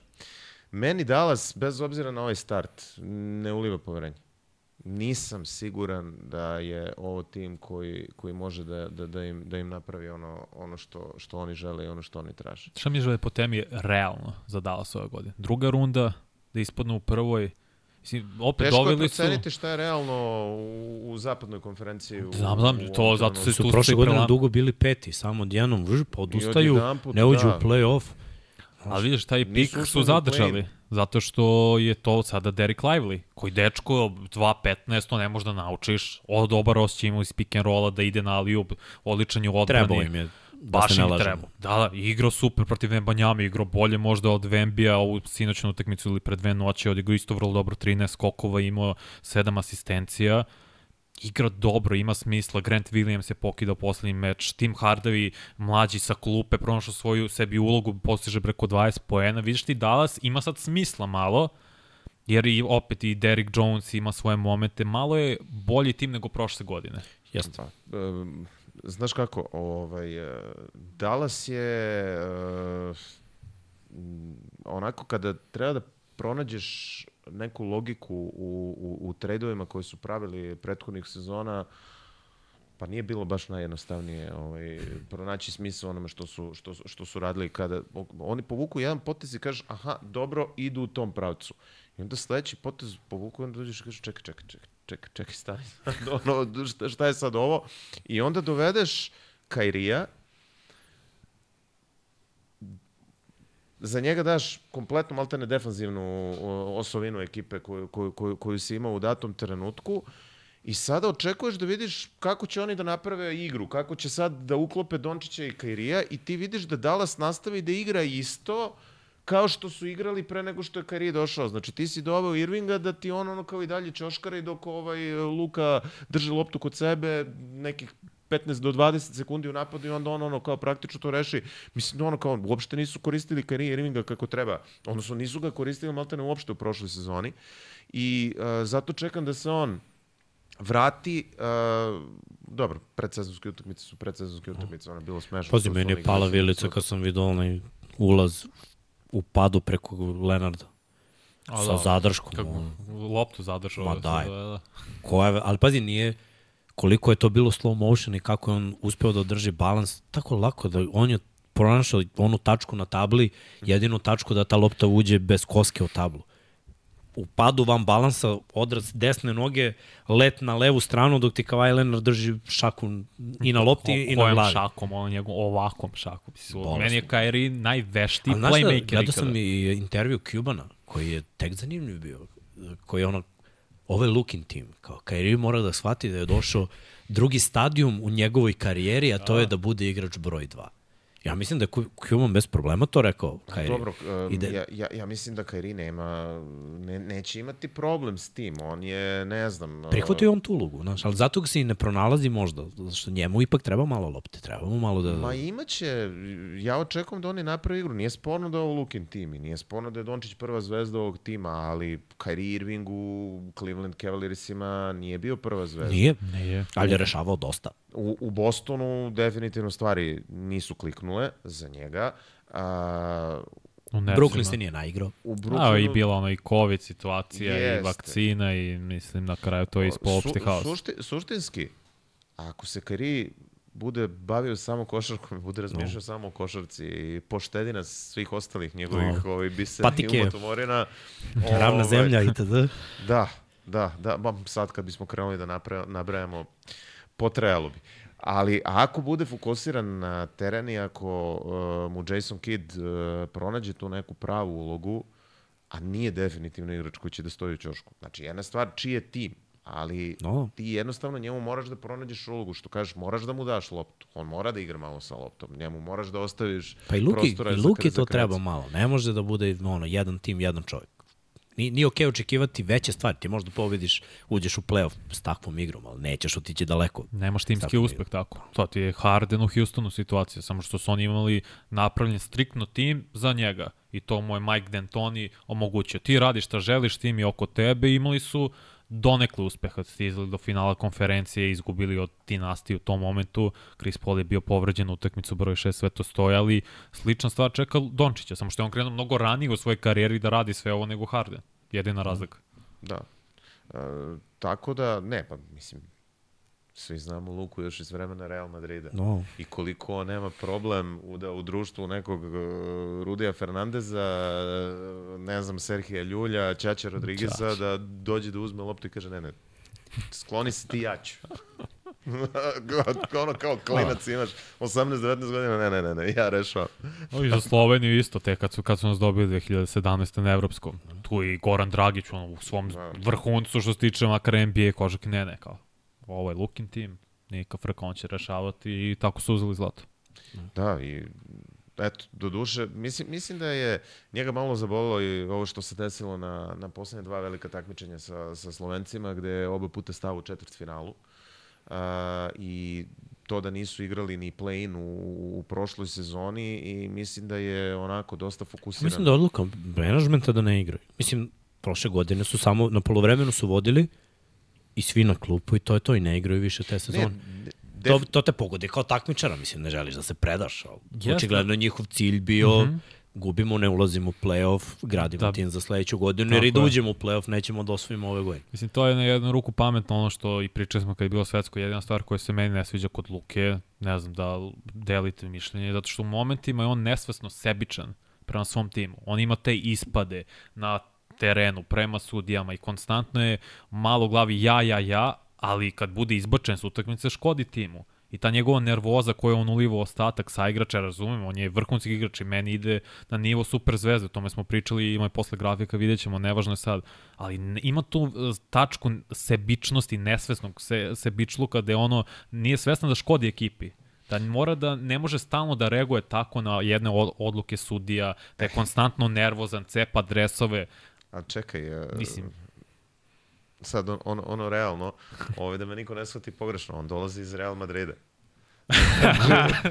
znači, ta, ta, ta, ta, tam, tamo svi, ono, s, da, pa gled, ne, da. ovaj, imao sam prilike da gledam Real često puta uživo i na Final Forumu i sve, pa tamo svi skaču, hvataju se za glavu, pričaju sa oh. sudijama, to je ovaj... Ja se stalno šalim na te njihove, ali e, i, sa, i sad, Španci, i sad... Portugalci, Južnoamerikanci, za njih je to Normalno. I, I sad, ovaj, to, to je verovatno negde i stvar nekog ovaj, temperamenta uh, i Nikola Jokić voli da priča sa sudijama. A i on I bude on isključen. voli da...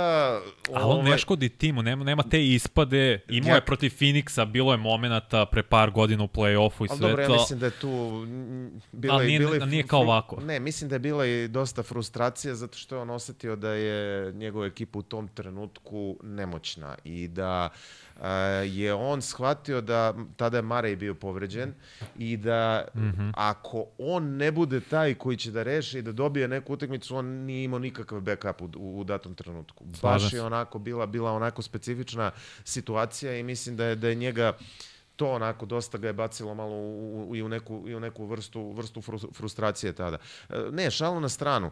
E, Jednostavno to je neki, neki onako ovaj, e, Lukin temperament. Mi zaboravimo da on i dalje onako mlad igrač i da će onako verovatno morati da, da poradi na tome da ne dozvoli da mu, da mu te neke stvari a, utiču na, na, na fokus. Uh, mislim da mi sad možemo da raspravljamo oko, oko tih sudijskih odluka u četvrtfinalu recimo svetskog prvenstva sa, sa, sa Kanadjanima, ali da, slažem se, ne možeš da dovedeš sebe u, u situaciju da, da, da budeš, ne znam, izbačen sa, sa, sa utakmice. Tako da, uh, ali mislim da je to opet nešto što sa nekom zrelošću... Drugačije je i, malo i u, li, u NBA-u, znaš. Igraš laganije, ni ovo ti više znači, reprezentacija ti više znači. Mislim i njemu baš, on je jedan od onih Yes.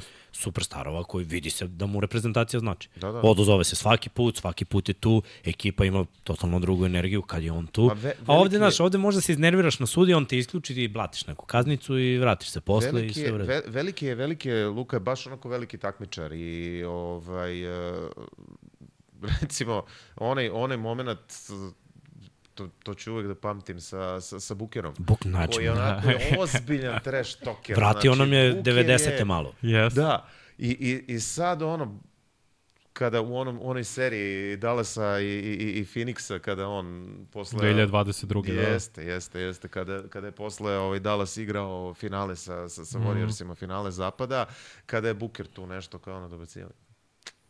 Važno. Pričaju, pričaju kad vode. Tako Tad je, da, pričaju. Da. I posle 40 razlike sledeća utakmica. Tako je. Ovaj, ali e, ta prošla sezona je bila ne jedan, nego tri koraka unazad za, za Dallas, jer igrao se finale zapada, a, zadrže si to jezgru ekipe i onda odjedan put kao tu nešto ne ide i onda odjedan put neke vojnike stvarno franšize uzmeš i traduješ ih da bi dobio, doveo Kairija. Znači kao ono, bukvalno kao gurno si tu neki kao Ko je sve ono bio? in. Dean Vidi, Finley Smith, je li još Finney neko Smith. bio? Beš? Da, još neko je bio. A mislim i pre toga, i pre toga ne zadržiš, nap- napraviš odluku da ne zadržiš Bransona. Ok, pitanje je da li su mogli da ga zadrže zbog financije i svega ostalo, kao što... Radio je posao, mislim, igrački. Nevezano za ugovor, Tako da li je, su tako mogli, je, ali tako je. igrački Tako je. je. nosio tu ekipu, I, mislim. i, sad, I sad to je ono što, što, što, što kažem da nije baš najjasnije u kom su pravcu oni, oni išli. Da, da li hoćeš da dovedeš igrača koji će da odmara Luku? Da Luka može da dođe da kaže e, ja ću na ovoj utakmici igrati 28-29 minuta, ne moram da budem između 35 i 40 na terenu. Da li je to neka uloga koju Luki, Luki prija? A ako si hteo da praviš tako nešto, pa onda si mogao da iznađeš način da zadržiš Bransona, koji može da pokrije tu poziciju koju igra Luka i koji može da ti donese, evo vidimo kakva je sada njegova uloga u, u New York Knicksima mm. i on je jedan onako jako dobar bio potpis za, za, za Knickse, a, koji ok, opet imaju oni iste, da, da ne šelim priču, ali Knicksi mi imaju isti problem kao što imaju prošle sezone, znači da li mogu da pogode ili ne mogu da pogode O, šut i a. to je onako... Pričali smo i o tom. Vanje mu neke ovaj, lude verzije za trade. je imao više ludih verzija za trade. Jedna jeste bila Carl Anthony Towns, druga je bila Paul George. I za Cavaliers isto važi. Ja mislim njima nedostaje trojka i rekao sam ovde, ja bih tradeovao Don, tradeovao Donovana Mitchella za Paula George. Ako se već doveo Strusa, on može da igra dva, tebi treba visina i nek tip igrača kao George na trojici, imaš Moblija, Jareda, Alena koji su odlični uh, u reketu, pogotovo Mobley koji može da se razvije, da bude i ofenzivno vrlo dobar igrač i fali ti igrač na poziciji 3 meni u toj u mojoj glavi ludo ima smisla. Naravno, Dobro, nik je su odradili priča. Villanova ekipu. Da, da, da, da, Ke- ba, znaš kako, Kevsi su isto, ovaj, uh, meni su bili solidno razočaranje, jer ono kao sa Garlandom i, i, i Mitchellom i gomilom ovih uh, mladih igrača, uh, ja sam očekivao da će napraviti bolji, bolji rezultat, odnosno da će ta serija Uh, jedna od serija kojima sam se najviše radovao u, ta. u, na startu play-offa je bila ta između New Yorka i Clevelanda. Ja sam bio, ono kao... to je jedan od mojih redkih pogledaka prošle godine na istoku jer me Milwaukee odmah razočarao, da, ali, ali ovo sam bio siguran, zato što, ne znam, nekako su mi fizikalniji Nixi. I Mitchell naš ima utakmice nula asistencija. Da. Šutne 30 puta, pogodi, ne znam, 10 i ne asistira uopšte s takvom partijom.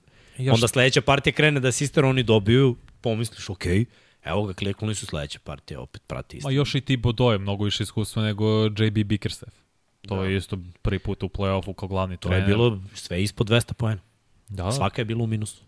Cela serija. Šteta i sad ovako kad, kad se vrati film, onako čudno je da ta Juta ovaj, onakva kakva je bila nije, nije uspela da napravi bilo šta, bilo šta značajnije. To je bio onako jedan onako vrlo, vrlo mm. interesantan tim. To, ulazili svake godine u play-offu kad je Mitchell to, kad je draftom nikad play-off nije propustio, ali to je limit. Men, meni, meni ono, Mitchell i Mare u bablu, ono je bilo, bilo, bilo brutalno, ono, kako, kako su igrali 50, jedan no. i drugi te utakmice. Baš nam je Nigel Williams, gost nam je ovaj, pričao, on je, on je tad bio u Juti, kaže, ono je stvarno bilo, gledaš I ovaj naš momak što snima ovde se družio malo sa Donovanom Mitchellom. Nije nas zvao. Sa Derikom Roseom. Da, Nije, da, ne, ne, a evo viš, ovaj potpisan dres Derika Rosea, Ivica Zubo s Donovanom Mitchellom, ali sve sam, znaš, nikako da kaže, e, drugari, dođite i vi. Bio si ti, je. Dobro, ajde, lažem, zvao me kad je bio Derrick Rose, dobili smo i to i patike i majice i kačkete i bilo je potpisano, ali nisi zvao za Mitchella. To smo mogli da vidimo malo. Da, Mitchell je, kad je, kad je bio Final Four u Beogradu je bio to? 18. 19. Da, da, ne, ne ovaj, onaj kad je Real uzeo. Da, Luka kad je uzeo. Da. Ko? Mitchell? Nije Mitchell bio Nije ruki, uzeo ukrao ga je Ben Simmons da. za Novajliju i onda bi išla majica kao definicija šta znači ruki zapravo od Adidas. Bilo je, bilo je cool. Pa eto, pa. Uh, ajmo neki drugi potpis, Srki, da vidimo šta još imamo mi tu, imamo neke izdvojene teme. A zanimljiva je počela liga. Da, da. Utisak u Milwaukee nakon prve nedelje. Pa dobro, utisci su podeljeni. Uh, vi ste radili otvaranje sezone uh, Milwaukee sa, protiv Filadelfije. U toj utakmici se nekako videlo ok, ima smisla ovo što su napravili, ima smisla što je došao Dame i on je bio važan na tom meču i šutirao je mnogo bacanja, iznudio je veliki broj faulova, 17 17 mm. imao s penala i nekako je delovalo kao ok, to je to. Pa onda dolazi utakmica da Dame ne može da pogodi ništa. Mislim, oni su sad trenutno polovični. Kao da se još traži, mislim i pomenuo si to, oni se još traže, traže igru. Nije lako, pritom verujem da ni Dame nije trenirao mnogo, tek nije trenirao da, da. s ovom ekipom. Moraju da nauče kako da igraju s njim. Ali na momente, pa i ovde u, ovom, u ovom porazu, znaš, na momente mi deluje kao i oni naprave seriju i klikće to i deluje da može, samo nije konstantno tokom čitave utakmice. Uh, utisak mi je da će se promeniti, da će kliknuti posle prvih mesec dana i da će ova ekipa biti uz to, Boston. To, to, to definitivno nije sporno. Mislim da uh, to je jedan izuzetno dobar tim a, koji je sa, sa, sa, sa Lillardom stvarno dobio tu širinu koja je, koja je neophodna i dobio je igrača koji će moći da pobeđuju utakmice za Milwaukee kada Janis to, neću da kažem ne bude u stanju, nego jednostavno koliko god da je i, i, i Janis fizičko čudo i neverovatan atleta i, i ono što se kaže zver, uh, nekako mi je on delovao, ok, bila je i ta povreda, ali mi je on protiv Majamija delovao umorno u, u, u, pojedinim, u pojedinim momentima i uh, ne znam, ona serija godinu dana pre toga kada ih je Boston izbacio iz Middleton iz je tad bio povređen, nije igrao. Da. Čito playoff skoro, čim se odigrao dve utakmice. To je jedin meni bio problem jer te godine Middleton je bio povređen, propustio čitav playoff 7 dve utakmice što je odigrao i prošle godine Janis I nismo videli Milwaukee kad je zdrav, kompletno kao 2021 u play-offu. Zato sam pomislio, ok, možda će vratiti, vratili su Middletona, vratili Bruka Lopeza, da će vratili ovaj su sve što je Janis tražio. Da, ali on je bio lojalan prema njima i oni su to uzvratili. Samo sam mislio da će održati ja, taj kor. Znaš, probaj, ajde da probamo godinu kad smo zdravi, jer verujem da su ostali zdravi makar prošle, to je pre dve godine, da bi dobili Boston, ali Middleton je bio vrlo važan šraf tada. Jeste, jeste, ali uh, ta odbrana koju su timska, koju su Celticsi odigrali tada protiv uh, Janisa je bila verovatno najbolja odbrana koja je odigrana protiv Janisa Adetokumba. Ok, i uh, Jay Crowder je imao dobrih momenta u bablu kada je Miami uspeo mm. da, da, da, da izbaci Milwaukee, što je takođe uh, bilo, bilo iznenađenje, ali onako, ovaj, potrebno vam je da imate tela u reketu da biste... Ovaj, Toronto da biste 2019. Da. Gasol i Baka, Kawhi Leonard, Sijakam. Yes. Moraš da ga biješ. Yeah. S tim što kad su osvojili bacanje pogađu uredno. E, u finalu I kad je bilo neophodno... Tako je, tako je, tako je, kada su scena u uh, Phoenixu, u Footprint centru, gde je lik broj novčanicu od 100 dolara, ovaj, kad mu ono kao broje sekunde da. ovaj, da. za, za izvođenje slobodnih bacanja, to je, to je show, ali Uh, meni se sviđa kako je Milwaukee napravio tim i kako su složili sve to. Definitivno će uh, dobiti od Crowdera mnogo više nego što su dobili prošle sezone. Ja mislim da je Crowder došao kasno. Uh, došao je i van svakog takmičarskog ritma, ali on igrač koji i tekako može da, da doprinese ovoj ekipi, defanzivno Stamen. je izuzetno čvrst, daje doprinos u skoku i neko je opet ko može da raširi teren, ko onako ako dobije dobro ono što kažu spot up shooter, znači ako ima dobije ne mora mnogo tu da on kreira nešto, nego dobije da šutne trojku iz mesta, on je i tekako u stanju da pogodi te neke šuteve, tako da uh, Milwaukee će sigurno da, da, da nadođe i koliko god da je zapadna konferencija misterija i koliko god da tu ovaj, jako teško prognozirati u kom pravcu sve to može da ide, osim da će Denver sigurno da bude po mojom mišljenju prva ili druga ekipa ovaj, na kraju ligaškog dela sezone, jer igraju jako dobro, imaju sjajnu bol arenu, ovaj, oni igraju jako dobro ovaj, kod kuće, da li i do nadmorske visine, ali ima i do, do, do kvaliteta definitivno Denvera i tog domaćih terena i publike tamo u Koloradu. Um, koliko god je zapad uh, misterija, mislim da će stvarno senzacija da bude ukoliko ove sezone ne gledamo Milwaukee i Boston u finalu. Da.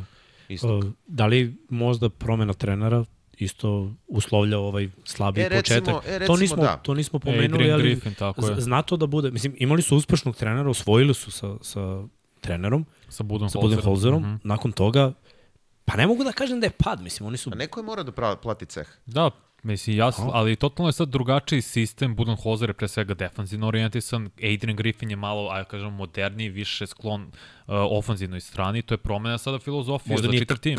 Ali, ali, nije krenulo, ali nije krenulo dobro što se tiče stručnog štaba. Znači, tu je trebalo da bude Stoc koji je trebalo da bude tu neka, neka spona. Uh, ovaj, i, i koji je trenirao uh, ima u, u Portlandu. Tako je bio glavni trener. Tako mm. je, i koji ga jako dobro zna i koji je verovatno trebalo i taj Lillardov uh, period prilagođavanja da, da, da značajno skrati. Tu je došlo do neke svađe i Stoci otišao iz, uh, iz, iz stručnog štaba Milwaukee-a.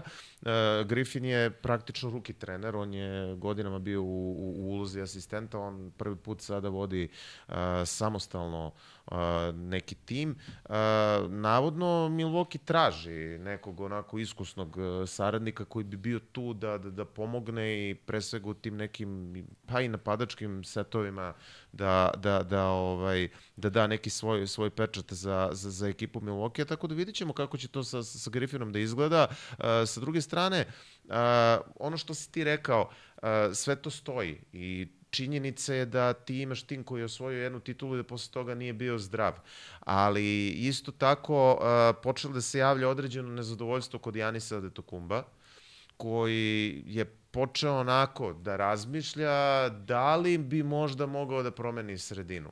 I onda je Milwaukee jednostavno morao da dovede nešto. Morao je da napravi neki mhm. potez i da pošalje njemu poruku, e, okej, okay, evo, mi smo spremni, uh, da uradimo još neke stvari kako bismo opet onako vrlo ozbiljno, jer nekako mislim da je Janis isto počeo da sumnja da li može sa tom ekipom da ponovi taj rezultat. To je rekao u intervju. Bio je da. Že, poenta da pobeđujemo. Želim konkurentnu ekipu, želim da mi franšiza jer, pokaže to. Jer Chris, uh, Drew Holiday je tu neko ko je bio konstanta, sve ovo ostalo je bilo onako dosta promenljivo, jer Middleton je svako malo bio povređen nakon mm. osvajanja te titule i bilo jako puno utakmice i bili su jako dugački periodi, naročito prošle sezone.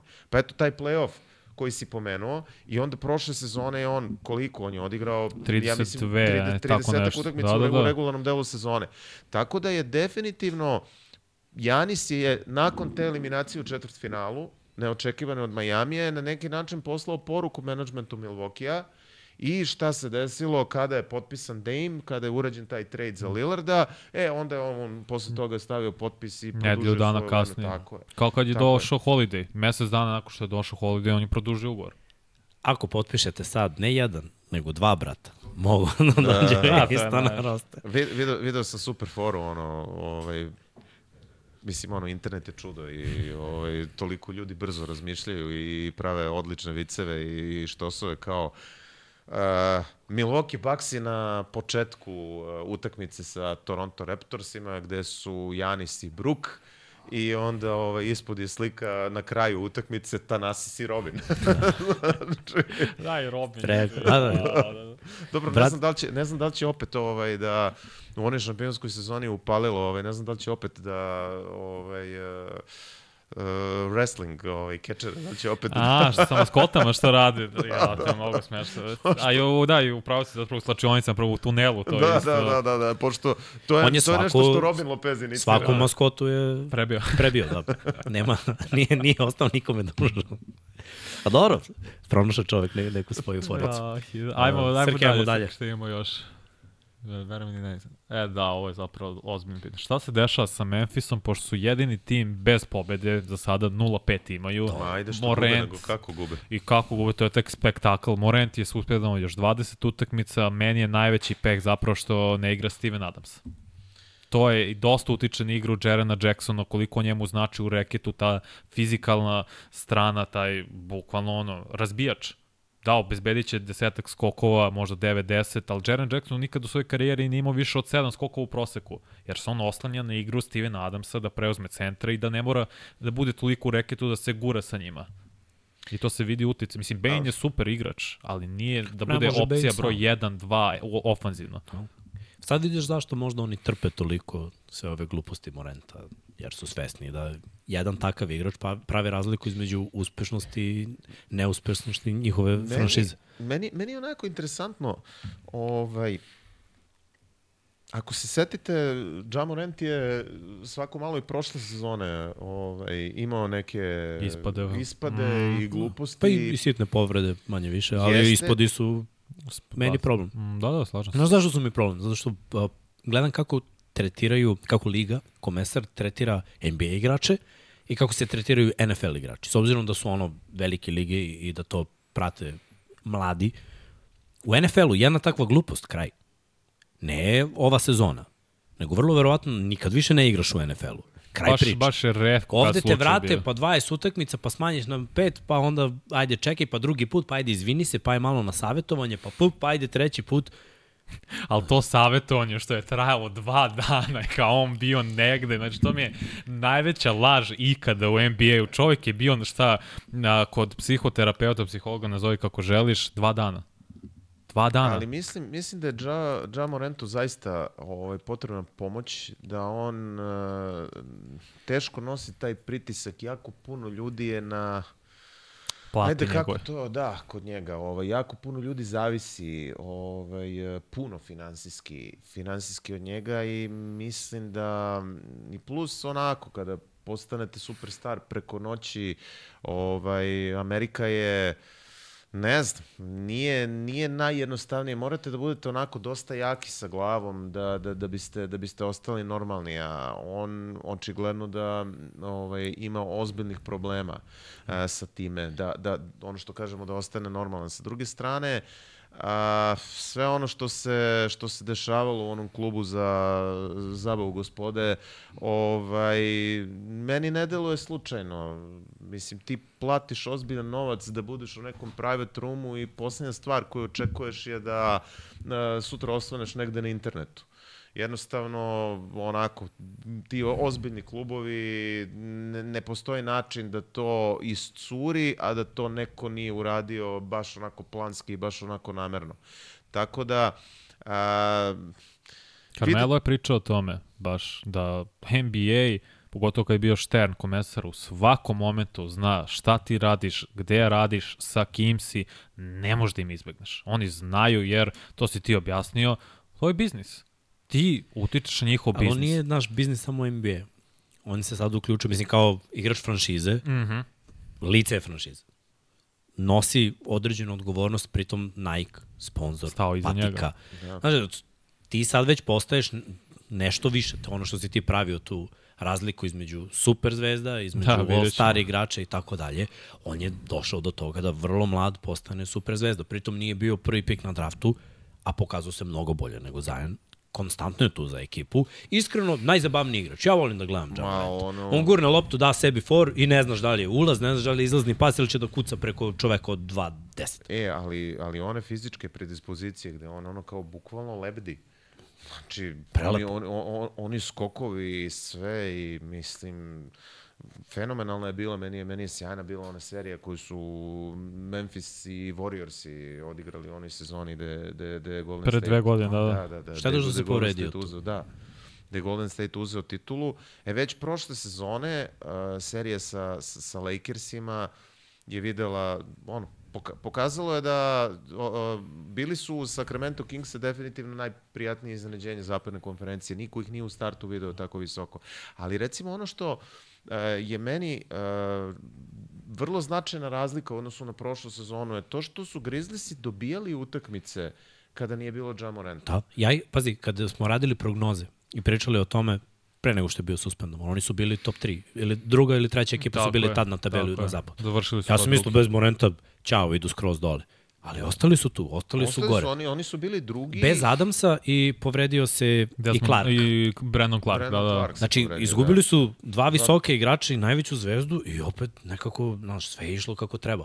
Ušli su u play-off, Možda i matchup nije odgovarao, trebalo im je malo nije, više tela. Nisu, nisu, nisu im odgovarali Lakersi, Lakersi su napravili ovaj, dobre te tradeove u, u, u završnici sezone i suštinski prelomili su seriju u prvoj utakmici tim breakom koji su napravili kada su poveli 1-0 Lakersi ono do utakmice sa Denverom oni nisu izgubili utakmicu u Crypto.com areni. Mm. I ja, nisu nigde imali prednost domaćih terena, oni su i Golden State su uspeli da, ovaj, da izbace. Tako da nije, nije to odgovaralo Memphisu. Adams ima season ending injury, to je... Opet kolen, da. Jeste, jeste. I sad veliko je pitanje kako će to da ide. Ovaj, Još što, i veteran, što, što se njega tiče. Krupan da. čovek. Dobre, ali najluđe stvar što Steven Adams je tek napunio 30 godina. Ne? Pa kad pogledaš... Pa gledaj, stoji, ali znaš, kad imaš 30 i kad oporavljaš ligamente, a težiš dosta, mm. sve to znam. Pritom baviš se sportom koji zahteva promene pravca, konstantne skokove, konstantno opterećenje tog kolena. Treba vremena. Treba vremena da se vrati. Pritom ideš ono back-to-back sezone s povredom. I, I sad tu postoji još jedna stvar. Vrlo moguće da su ih malo i provalili. Da su bili onako iznenađenje, da su bili malo ekipa koja je išla ispod radara prošle sezone, uh, e da se sada svi malo drugačije spremaju za njih, jer nije isto kada se pripremaš za jednu onako mladu ekipu, ok, ono, oni su napravili objektivno govoreći uh, iznenađenje te sezone kada su izbacili Minnesota u prvoj rundi play-offa, nije baš da je neko računao sa Memphisom u polufinalu zapada uh, i onda su napravili još korak dalje uh, Odjedan put se oni pozicioniraju tu odmah ispod Denvera u opet jednoj jakoj zapadnoj konferenciji kako je bila i prošle sezone i mislim da se sada onako značajno drugačije i, i timovi spremaju za te, za te utakmice sa, sa Memphisom. Sa druge strane, Memphis je... Uh, nisu ono što vole Amerikanci da kažu, nisu lovable ekipa. Ovaj, pogotovo prošle sezone sa Brooksom koji ono, ja mislim da su ga na kraju zbog toga i katovali. 100%. Nisu teli ga potpišu, ali znači on to ekipi. Verujem da sad znači što su krenuli 0-5. Ne, ne, sigurno, ali su postali jedan od najomraženijih timova u ligi. Mm -hmm. Znači, svi su onako krenuli ono kao posebno da se motivišu zato što igraju sa njima, zato što ono kao konstantno treš tokuju, prljavi su... Ali kad vode.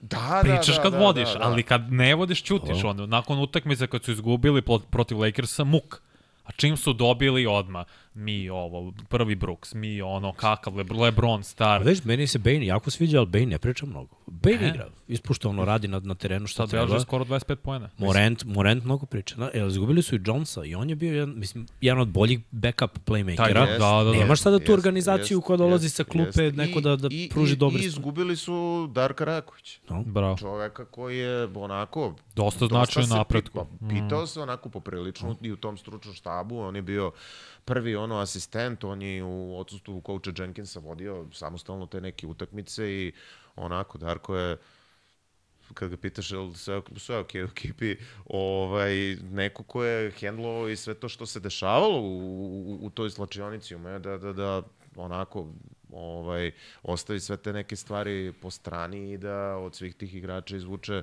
izvuče taj neki maksimum, tako da Nije slučajno to što je Darko dobio prednost u odnosu na, na, na, na Serđe Skariola i sve te trenere koji su konkurisali za, za mesto uh, prvog trenera Raptorsa. Tako da, uh, ali, ali kažem, mislim, oni su stvarno došli u situaciju da su postali baš onako među omraženim timovima u ligi i ne znam, i povređivali igrače i ne znam ovo i ne znam ono i ovaj, i kažem Brooks koji se ono posvađao sa kompletnom ekipom Golden State Warriorsa, videli smo sad kako ga kari. O, kako da, da, ne znam da li je platio tu vožnju. e, častio ga tom vožnju, za ono od prošle godine. Da. Evo, jedan da, žeton da. za tebe. Da, Biće, biće teško stvarno za Memphis. Ne, da... neće, neće im biti lako. Neće im biti lako ne. i kada se vrati Ja Morant, pitanje kako će se Ja Morant vratiti. Tako je, 21. decembra. Mi smo ovde imali, to je dvomili smo zato što nismo znali, ja sam bio ubeđen da on može da trenira sa ekipom uprkos tome što je suspendovan, ali zapravo u NFL-u to ne može. Ali ne mogu setim, ne znam za NBA. U NFL-u imaš, dok je pre-season, možeš. Kada krene sezona, ne možeš da odredi dok ti NFL ne odobre da, da, da, da možeš. A ne znam za znači, NBA može da se desi poslednje dve nedelje. To nismo proverili, da li ti znaš? Da li on može da trenira... Nis, nisam siguran, mislim da ne trenira sa ekipom. Da je čak... Uh, pa nisam siguran ni koliko je produktivno. Jer ti no, ako, ne, ne igraš, znaš, ne igraš, neće da ga staviš u da. rezervnu u drugu ja, petorku. Ja, ja, ja, verujem, ja verujem da on radi individualno. A, pa mogu bi malo šut da popravi. Mislim da bude konstantni. Da, mm. to mu fali, što da ne. Inače, raspored njihov sledeće, sledećih pet utakmica, dva puta Portland, back to back, Miami, Utah, LA, Clippersi pa Lakersi. Dobro, protiv Portlanda bi mogli da, pa, da eventualno dobiju nešto. Mislim, da. Oni moraju da dočekaju Morenta nakon te njegove pauze sa a da kažemo između 5 i 10 pobjeda bi bilo idealno jer onda mogu da nastave da grade i da eventualno uđu u playoff jer ako bude bio ovako ovaj haos od tragedija.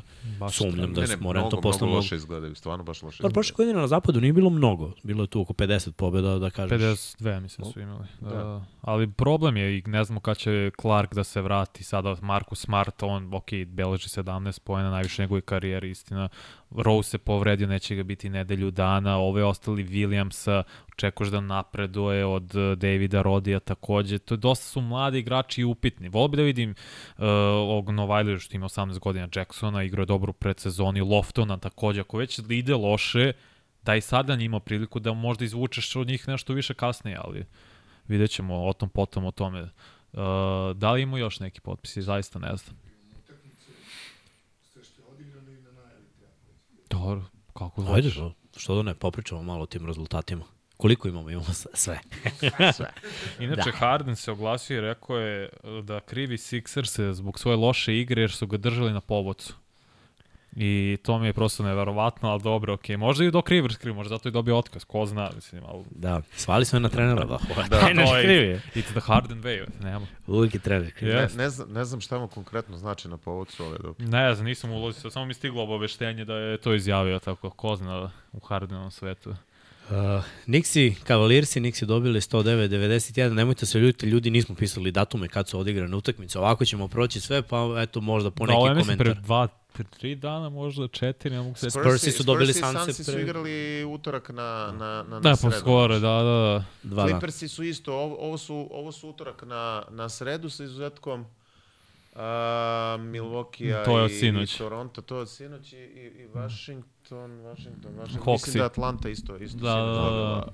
Znači, ovaj... eto, kažem, utorak, sreda su utakmice, uglavnom. Atlanta ne izgleda loše. Atlanta izgleda baš dobro, to me e, malo to, iznenađuje. Da, i to baš iznenadilo, iskreno. Dežon te mora, maraju u kontri, brate. Ali, ali, ali, ali, ali, to je jako specifična glava, sa one, one, ne znam koliko ste ispratili njegove intervju. A jes, to stvarno da. spektakularno. Dobro, on je od San Antonija, poseban momak, ali oni ne, Trej zajedno... Me to ne može klikne, evo Trejan katastrofa šutra iz igra prvih 4-5 utakmica, stvarno loše. Izgleda da im ovaj odlazak Collinsa malo prijao, ovaj momak Johnson mm. je potencijalno iznenađenje tu. Zanima me da vidim njega, kako, kako će onda da ovaj, zasadim sve i do ruke. Mislim, pazi, dobili su i mnogo jače ekipe na papiru, ali ja nešto sumnjam. Baš očekujem, kada je Atlanta u pitanju, samo očekujem da, da Trey bude sebičan, da oni Mare ne mogu da igraju zajedno, da nema dovoljno protoka lopte. Kad vidimo ono kapelu, svaki put strahujem da će da promaši. I juče imao neki lob da jedva zakucu. Znači, lopta je bila ono tup, tup, tup, pa ušla unutra. Uvek mi je diskutabilno. Ako ide čovjek 10 puta na bacanje, pitam se da li će da da jedno ili dva. Baš smo mi diskutabilni. Možda da promene centra, pa, pa da se ponadamo nešto, ali za sada... Joj, treba dosta toga da promene. Treba da, da stoji. A Ih vidimo njih, ali oni će ući u play-off. Pa, pa ta, istok je takav da će oni ući u play-off. Imaju star Vrat, power. Ne, ne, vrati nam i prvi, Srke, prođe na brzinu, ako ti nije frka. Dok Toronto igra lepo. Da, u prvoj utakmici Rajaković zabeležio pobedu. Mislim da će on dosta značiti Scottiju Barnesu zapravo za njegov napreg, jer malo je ostao u mestu ove dve, tri godine kako je u ligi, očekivalo se da će početi da beležiti možda 20 poena blizu toga, stavili su ga u situaciju prošle godine bude čak i playmaker, sposoban je Scottie Barnes, dosta su ga drugi hvali, ali stagnirao je. Mislim da će Rajaković njemu najviše pomoći.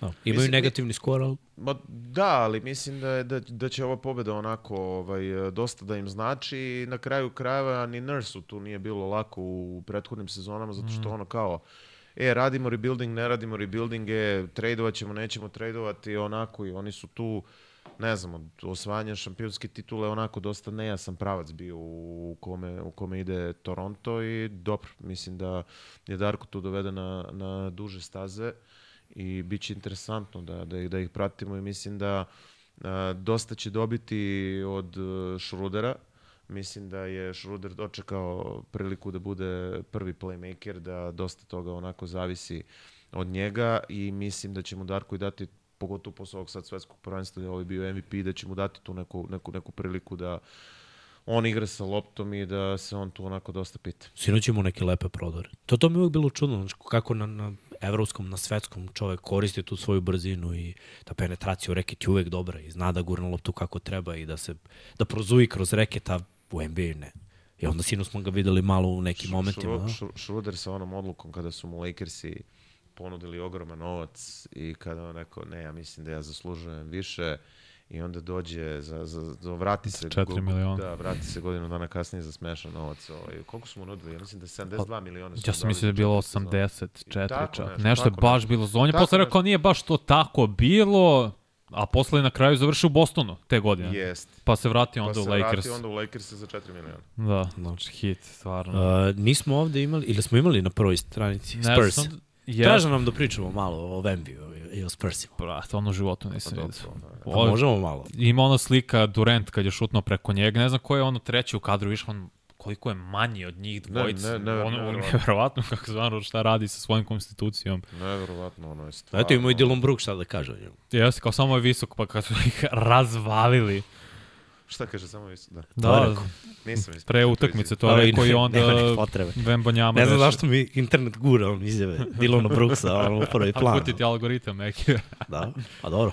Ne, suludo im, toliko mekan šut i vidi se njegu posle u, u post konferenciji kada pričam oko utakmica, on je izjavio ja želim da pobeđujem. Kao, to mi je, toliko me to oduševilo, on je rekao, meni je najvažnija stvar da mi pobeđujemo. Kao svestan za to kad neće biti puno, ali što više pobeda, to bolje. Vidi se da mu je stalo, igra dobro, ali treba njima vremena i Veselu, i Keldonu Johnsonu, i Sočenu da se prilagode njemu. Da. Jer bilo je momenta kad mu možda i nisu spuštali loptu, jer ne znaju i dalje šta je najbolje, jer on opet često igra sa, s polja, ne koristi toliko svoju visinu, makar ne na početku, mora da i on nauči da koristi to maksimalno i da budu akcije, spuštamo te niski post, moraš da rečeš, imaš koliko, 2.22, toliki raspon u kojem nemaš niko da ti izblokira, izblokira u suštini. Ali je rođen za NBA, za ovaj stil, za da, brzi stil igre, da možeš da. da šutiraš, da ti niko neće ništa reći, da ne moraš nužno da se guraš pod košem. O, napredak, on, on napreduje jako brzo. Baš. Ono što je recimo on prikazivao na uh, Summer League, na letnjoj ligi, mm. nije bilo ovako dobro. Da, da. I sad već onako jako, jako dobro izgleda. Ovaj, odavno se nije napravio ovoliki hajp oko nekog igrača. Bilo je onako pompa oko Zajanovog ovaj, uh, prvog pika, ali baš da američke televizije prenose utakmice francuske lige, jer se toliko išče, iščekivalo ovo čudo, ali zaista čudo. I kako rekao Šek, kao nije fair. Poredio ga je sa bol bolom, kao nije da niš, nismo videli nešto naliko ovome, da. kao videli smo ovo je bol bol, samo bol bol nikad nije dobio tu priliku što mu se Barkley posle počeo mu se smeje u lice, ali razumem šta je hteo Šek da objasni. Bol bol inače ima slične stil igre, sličnu tehniku, isto može da šutne za tri, mekanu ruku, ali nije na tom nivou na kojem je Vembanjama. Pazi, ono što sam vidio, istezanje njegovo za momka koji je toliko visok, da, da je toliko razgiban, to će mu pružiti malo više minuta da može duže da igra. I opet i vidiš neke stvari, nikad ja nisam vidio igrača te visine. Najpribližniji te visine je Janis koji radi cikca korak i kuca levom rukom dok u Eurostepu izbacuje igrača koji ono stoji u reketu. E, to su stvari koje kažeš, ok, ovo je atleticizam, ali i ta njegova visina igra ulogu. Odakle se on odrazio? On se vam polukruga je radio Eurostep. Da. To, Ma, to mi je nečuveno. Uz šut za tri pojena. I, I odlična sredina u kojoj je došao. O, da. Odlična sredina u kojoj je došao. Greg je tu godinama, zna da radi sa mladim igračima, zna da radi sa evropskim igračima, tako da mu je sredina fenomenalna. E, nema sad tu nekog ni pritiska prevelikog, znači nije ono kao moramo sada da napravimo rezultat po svaku cenu, pa ne znam sad šta da se dešava. Tako da će uh, biti jako interesantno pratiti tu, tu, tu njegovu ovaj, karijeru i mislim da nisam siguran da će San Antonio ove godine čak ni u play-in, ali mislim da ih to ove godine ni ne zanima. Oni ove godine hoće njega da pripreme za ono što ga čeka i oni ovo što rade, rade na, rade na duge staze, a ako je neka franšiza uh, pokazala da zna da ispromoviše i igrače, a da usput napravi tim da osvoji titulu, onda su to definitivno Sparsi. Da, mene samo zanja koji je plan nakon Krega Popovića. Mislim, da se razumem, neće Popović ostati još 5-6 godina, makar ja ne mislim da će, jer ima godine, ima koliko, 70-71, čini mi se, jedan je od najstariji, ako ne najstariji trener NBA, koji je plan da neko njega nasladi i bude tu uz Vembanjamu? Ja mislim da će to možda čak i biti Becky Hammond, prvi, da će ona biti prvi ženski trener u NBA-u. Bila je u stručnom štabu, ima uspehe sa Las Vegas Aces, ima dve titule za redom. Ima repertoar i, opet, da kažemo, CV da bude to. Samo ne znam koji je plan u tom smeru. Uopšte ne brine, njemu su mentori Duncan, Robinson, Ginobili, Parker, svi bivši velikani Sparsa. On će biti skroz ok, Vembonja mislim biće odličan. Nije to problem nego naslednik Grega Popovića, to me zanima. Naslednik Grega Popovića će biti onaj koga Greg Popović no, ima za svog da, naslednika, no, onda kada on bude rešio da prestane da, da se bavi ovim Ne poslom. mogu više, ti ćeš. da. A to ti koji Bjeličik? To su institucije trenerske. Baš kad pričamo o tim franšizama koji su 20 godina mm -hmm. konstantno bile uspešne i najviše pobjeda na domaćem terenu, najviše osvojenih titula u tom uh, razdoblju od dve decenije. Takvi treneri, znaš, on je lice franšize. On je trener, ali lice franšize. Znači, predsednik će njega da pita je li vreme. da, da. Nema da. kao je, mislim da treba da idemo u drugom smeru. Pa ne, to, to, to možemo da povučemo paralelu uh, sa Coach K-om u, na Duke. Mm. Znači, prosto dok se on bude osjećao sposobnim da radi ovo što radi, on će, on će biti tu. Ako, ne znam, mislim, neka ga zdravlje samo posluži. Da. Ovaj, on ako bude želeo da isprati NBA u narednih pet godina, on će ga ispratiti u narednih pet godina. Pa dobro, znaš kad si pored mladih, osjećaš da, se da, da. mlađe. Da. to, to je ono dobro. Srki, daj da vidimo ove druge rezultate malo da da nismo nešto zaboravili, Pacers i Celtics i to smo pričali, Neci protiv, ajmo, ajmo Necimo malo. E, Ben Simmons igra dobro, igra na svom onom standardnom nivou, Da. 11-12 do 14 poena, 10 skokova, 8-9 asistencije, vraća se na svoj taj nivo, all-star nivo i svi očekujemo da uh, Mikael Bridges iskoči i postane all-star igrač, jer pokazuje taj potencijal i donekle na svetskom prvenstvu kad je bio tradovan u Nece prošle godine i meni se sviđa kako je njihov tim sagrađen. Da, da. Imaju dobru dubinu, nemaju tu ultra zvezdu još uvek, ali mislim da mogu da uđu u playoff. Definitivno. Definitivno mogu da, pogotovo u ovakvoj istočnoj e, konferenciji, bit će tu u krugu timova, ja mislim, koji će čak da se bore da, da izbegnu, da izbegnu play-in. Uh -huh. Jer e, u ovom trenutku, da kažemo da po mom nekom mišljenju Filadelfija je definitivno kvalitetnija od njih, Miami je kvalitetniji od njih, Uh, I oni će tu, ja pretpostavljam, protiv nekog Njujorka, protiv nekog Clevelanda, uh, ja sam zaboravio nekoga. O, tu je Atlanta, ajde da kažemo, Ah. šta znam, Pacers i mislim, opet to je sve u... Pazi, trenutno, četiri ekipe imaju 2-2, pet ekipa ima 2-3. Dobro, da. To je trenutno. To A ekipe razvije. koje onako neke se pojavljaju, možda se Orlando pojavlja kao zanimljiva ekipa. Imaju 2-3, imaju ono Or, Orlando, zvezdice. Orlando sa, sa, sa, sa Wagnerima, sa pa Bankerom, sa, mislim onako, ne vidim ih opet ove sezone, ali oni su opet onako projekat na, na neke duge staze. Charlotte mi je onako. Da, to je baš upet. Chicago Bulls i Ja i ono- Washington otpisujem. Jao, isto. Chicago Bulls i posle prve utakmice odmah sastanak timski igrača. sastanak, da. Oh, koliko su oni upitni, to je nevjerojatno. Oni imaju 2-3, čini Imaju se. 2-3, Ma, da. To je baš sve... Chicago, haos. Toronto, Mm, Cleveland, New York. E, da, Toronto, da. To su ekipe koje... Pa I biće- Detroit, zanimljivo.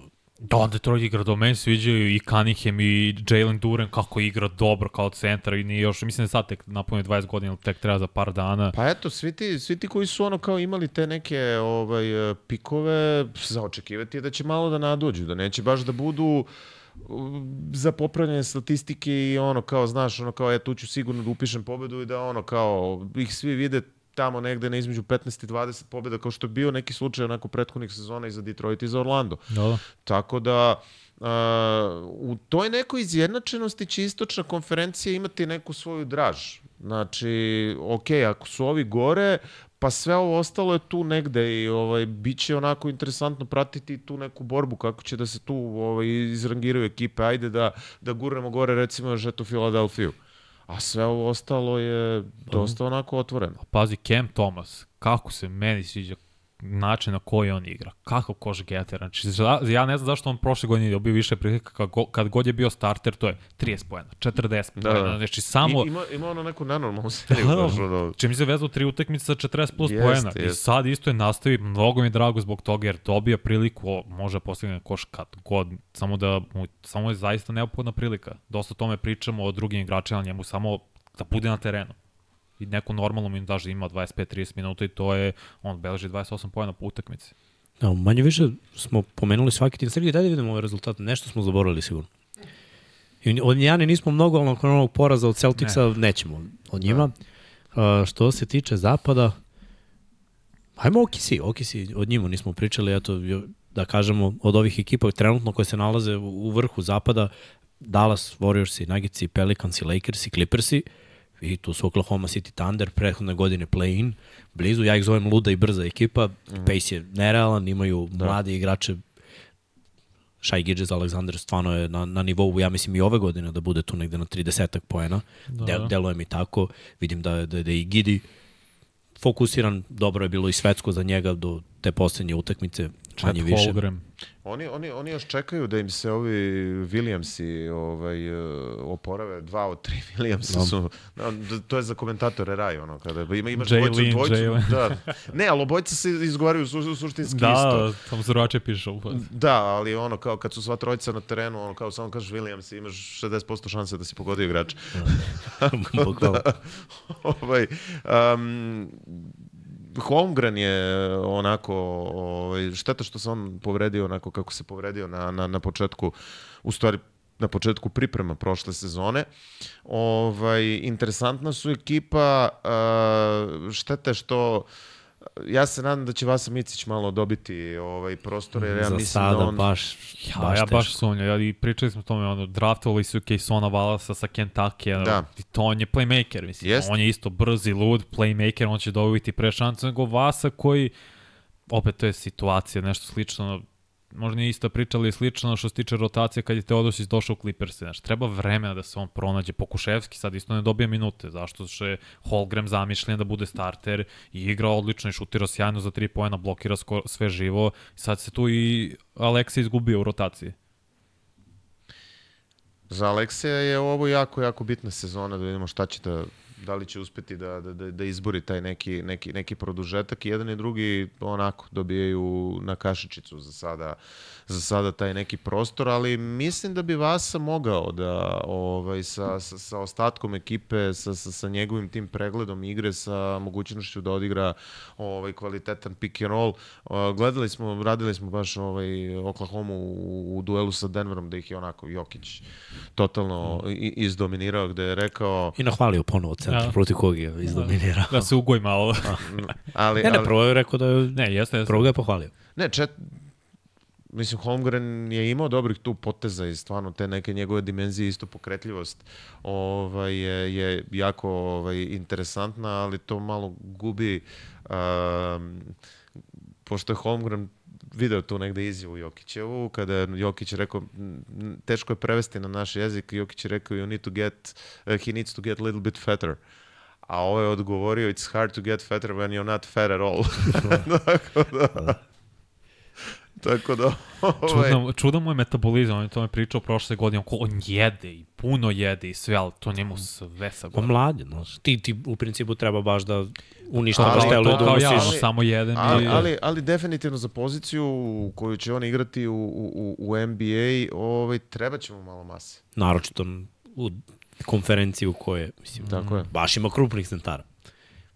Kad jedan An- Anthony Davis pored njega izgleda kao stravina, ono, šta da, on? nek mora bude nešto slično, kako se zove, Gober, koji nije debel, ali ima tu mišićnu masu i Da. vidi se da je dobro građan. Mora malo da udari potegujemo. To, to ti je moja, moja ideja za sve košar kaže, kad ne može, ajmo Da, malo da, da, teretano, da, udarite da. malo potegujemo i jedite, pa vidite kako se ovaj, nabacuje. Kilogram. Ove, da vidimo ovde, s- pa dobro, u principu sve smo rekli, tako da, eto, za sad početak je zanimljiv, e, imamo neporažene ekipe, imamo ekipe koje nemaju triumf, većinom su svi polovični, imamo neke povrede, igrači, neke zvezde propuštaju utakmice, ali manje više zanimljivo je i očekujemo da prve neke ekipe budu izdvojene, da će sredina biti baš neizvesna od početka do samog kraja, a ovde imamo i najavu ovoga što sledi Raptorsi protiv 76ersa, Pistonsi protiv Pelicansa, nas. E, znate šta će da bude interesantno? I to, to onako čekam da vidim ovaj, e, kako će da igraju utakmice ovog kupa, ovog in-season To tournamenta. smo imali- imali smo 100 sad pitanja Sad za ću to. ti objasniti. Srki, daj kadar samo, molim se. Ne, to s- baš sam čitao o tome danas. Oni će igrati svakog petka u novembru, 3. 10. 17. 24. i tri utorka. I sada u rasporedu Da, Svakog da, petka će igrati tri utrka. da, je, ne, ne, da, u Pusti ga, Da, da, da, ne, to je bukvalno je tako. Svakog, znači evo ti datum i zapisao sam, to će biti 10. 3. 14. 17. 21. 24. i 28. u novembru, u grup, grupna faza. Svaki Tako je. tim je zamišljen da ima 80 odigranih utakmice. Sad, timovi koji ne prođu grupnu fazu odigraće 6. i 8. te preostale dve utakmice u regularnoj sezoni, jednu kod kuće, jednu gostima. Timovi koji ispadnu iz četvrtfinala imaju 81 odigranu utakmicu, za što četvrtfinala se računa, odigraće 7. decembra tu pre, preostalu utakmicu protiv tima iz suprotne konferencije, polufinalisti, je- njima je to zapravo 82. utakmica, oni ne igraju više, ne igraju više ništa dodatno, a ovi koji igraju finale će im biti 83. utakmica, ali se neće računati u regularnom delu sezone. Ne, samo se finale ne računa. Mislim, Ali- ali... ko, mnogo je kompleksno, ali morao sam da, moram da objasnim ljudima da što je toliko pi, bilo pitanja da zapravo, znači to je redosled. U principu svaki igra 80, ko prođe u četvrtfinalu 81, polufinal 82, ko ne prođe uopšte dve dodatno 6. i 8. decembra. Finalisti igraju za u suštini pare i to sa NBA kupa, verujem da će se preimenovati od sledeće godine u David Stern kup. Da, To da, zamisao. da, to, to, to, Powered je, to je neka ideja. neko ko e plaća. sad, uh, ono što sam ja hteo da kažem, interesuje me kako će ekipe da igraju, kakav će da bude pristup, da li će biti malo drugačiji u tim utakmicama od ovih drugih utakmica regularne sezone, zato što ti tu praktično imaš četiri utakmice da probaš da budeš prvi ili najbolje drugoplasirana ekipa u, u, mm -hmm. u te tri grupe po, po, po konferencijama. I jedino što mi je žao, a, mislim da bi bolja ideja bila da naprave Final Eight u Vegasu. Da to naprave sa više ekipa. Uh, no. me, meni, meni to ima nekako više smisla, mislim da bi bilo onako i medijski ovaj, i atraktivnije i propraćenije da onda kao ono, bukvalno napraviš da ti ne bude samo vikend, nego da napraviš sreda, petak, nedelja da to bude recimo 5 dana košarke u, u, u Vegasu umesto samo, samo tog jednog vikenda Mislim da je onako jako interesantna ideja da će pokušati da, da su oni tu negde izračunali i videli kada otprilike uh, pada uh, to neko interesovanje i gledanost i da ovaj, hoće da daju na takmičarskom značaju utakmicama i u ovom prvom delu sezone i da tako ovaj, još dodatno podignu rating uh, ligi i spremni su da izdvoje onako pola miliona po igraču je no, nagrada da, za, za, za pobednika. Ima, ima, ima smisla. Mislim, ovo je očajnički potez da nateraju pre svega zvezde da se pojave i da igraju svi sa malo više zalaganja. Stvarno imamo problem godinama već sa ligom zato što shvate olako to pre All Stara kao lagano i onda dodajemo gas pred playoff i igramo Nije, imaju, imaju, imaju tačno ono amplitude, ovaj, uh, negde posle Martin Luther King dana krene malo da, da, da, da pada mm. kvalitet, pa onda ovaj, tu nešto i oko All-Stara, a najveći pad kvaliteta suštinski je kada se igra March Madness. Ne znam da ste to no. ovaj, primjerno. Pa da, da su timovi ono, polako odmare još ako su umeđu prve dve, tri ekipe na, u konferenciji. To pre nije bilo. Da, tu, tu baš, to baš nije bilo budu, budu utakmice, a, ume da bude onako vrlo, vrlo diskutabilno. Da Četvrta četvrtina cela garbage da. time. Da, da, ne, to je strašno, ali zato je NBA uveo sada pravilo za nagrade tome sprečali. 65 utakmice minimum. Da, da. All NBA timovi, -huh. defanzivne petorke takođe za bilo koju I, nagradu. I, I pooštrili su i odmah je ono kao, ovi Harden je znao šta radi sa, sa, sa celom ovom pričom kao, ovaj, e, došao sam, vi me niste pustili u avion. I onda odmah je Liga rekla, pa dobro, mi smo rekli da ne možete tako tek ono da ostavite igrače bez, bez ikakvog obrazloženja. Jeste ga suspendovali, niste ga, a sad objasnite što ga niste pustili da, da bude u sastavu tima. Da, to je baš specifična stvar, jer opet, ono, na, to, tome smo pričali, def, šta je definicija za NBA zvezde, da je u poslednje tri godine bio ili All-Star ili All-NBA tim i ne mogu valjda dvojicu isto vreme, ako se zaista nisu povređeni, da propuštaju utakmice. Da, da. I ćeš biti kažnjen. I to je čitava zapravo zamisla. Dobro, ova sezona će biti presedan i zbog tog kupa i zbog mm. ovog pravila da mora da se, ali, ali, da se ali igra. iskreno radujem se, mislim Isto. da će ovaj kup biti onako dosta interesantan. Igrači toliko moći imaju da je lepo kad je malo. Vidio si dresove, vidio si dizajn terena poseban da. samo za te kup utakmice, da, da, da se da. razlikuje zapravo kad su tereni u pitanju. I, i, dosta, I dosta onako rade na, na, na promociji svega toga, baš onako ovaj, uh, uložili su dosta truda da ne znam i u prenosima, konstantno se objašnjava publici šta će to da bude, kako će da bude i sve ostalo i mislim da je onako NBA organizaciji dosta stalo Aha. da, ovaj, da taj projekat zaživi. Pa ne žele više, verovatno negativne komentare, jer ih ima, stvarno ih ima mnogo. Da. Čitav svet je u fazonu, dajte da gledamo playoff cele godine.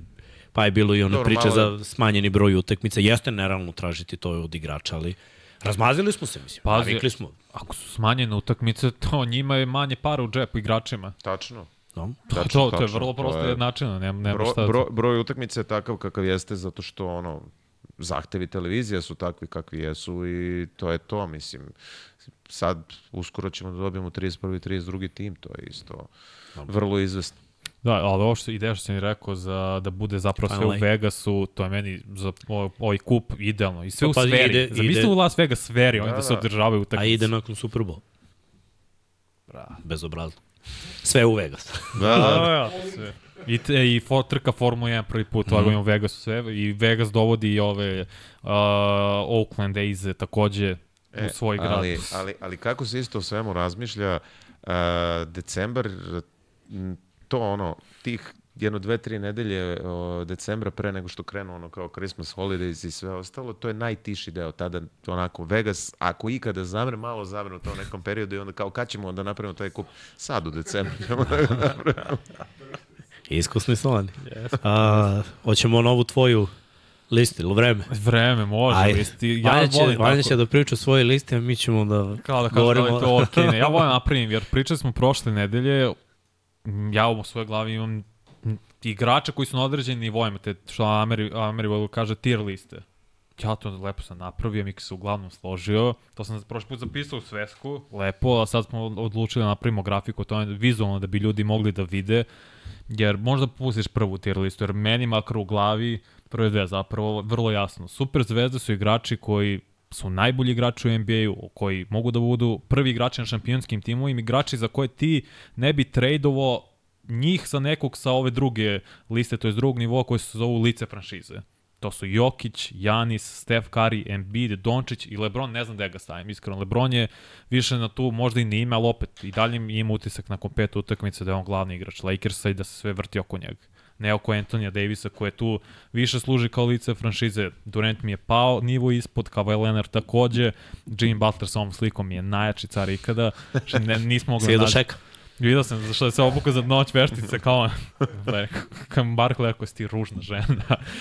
Presmešno. Tatum je tu, Davis, Lillard, Booker, Morant, Fox, Anthony Edwards, Donovan Mitchell i Shai Gilgis Alexander. To su mi lica franšize, ovo su u suštini sve najbolji igrači, ali, posto, ali su i nivo ispod Jokića, Janisa, Karija, Embida i, na, i naravno Luke i Lebrona.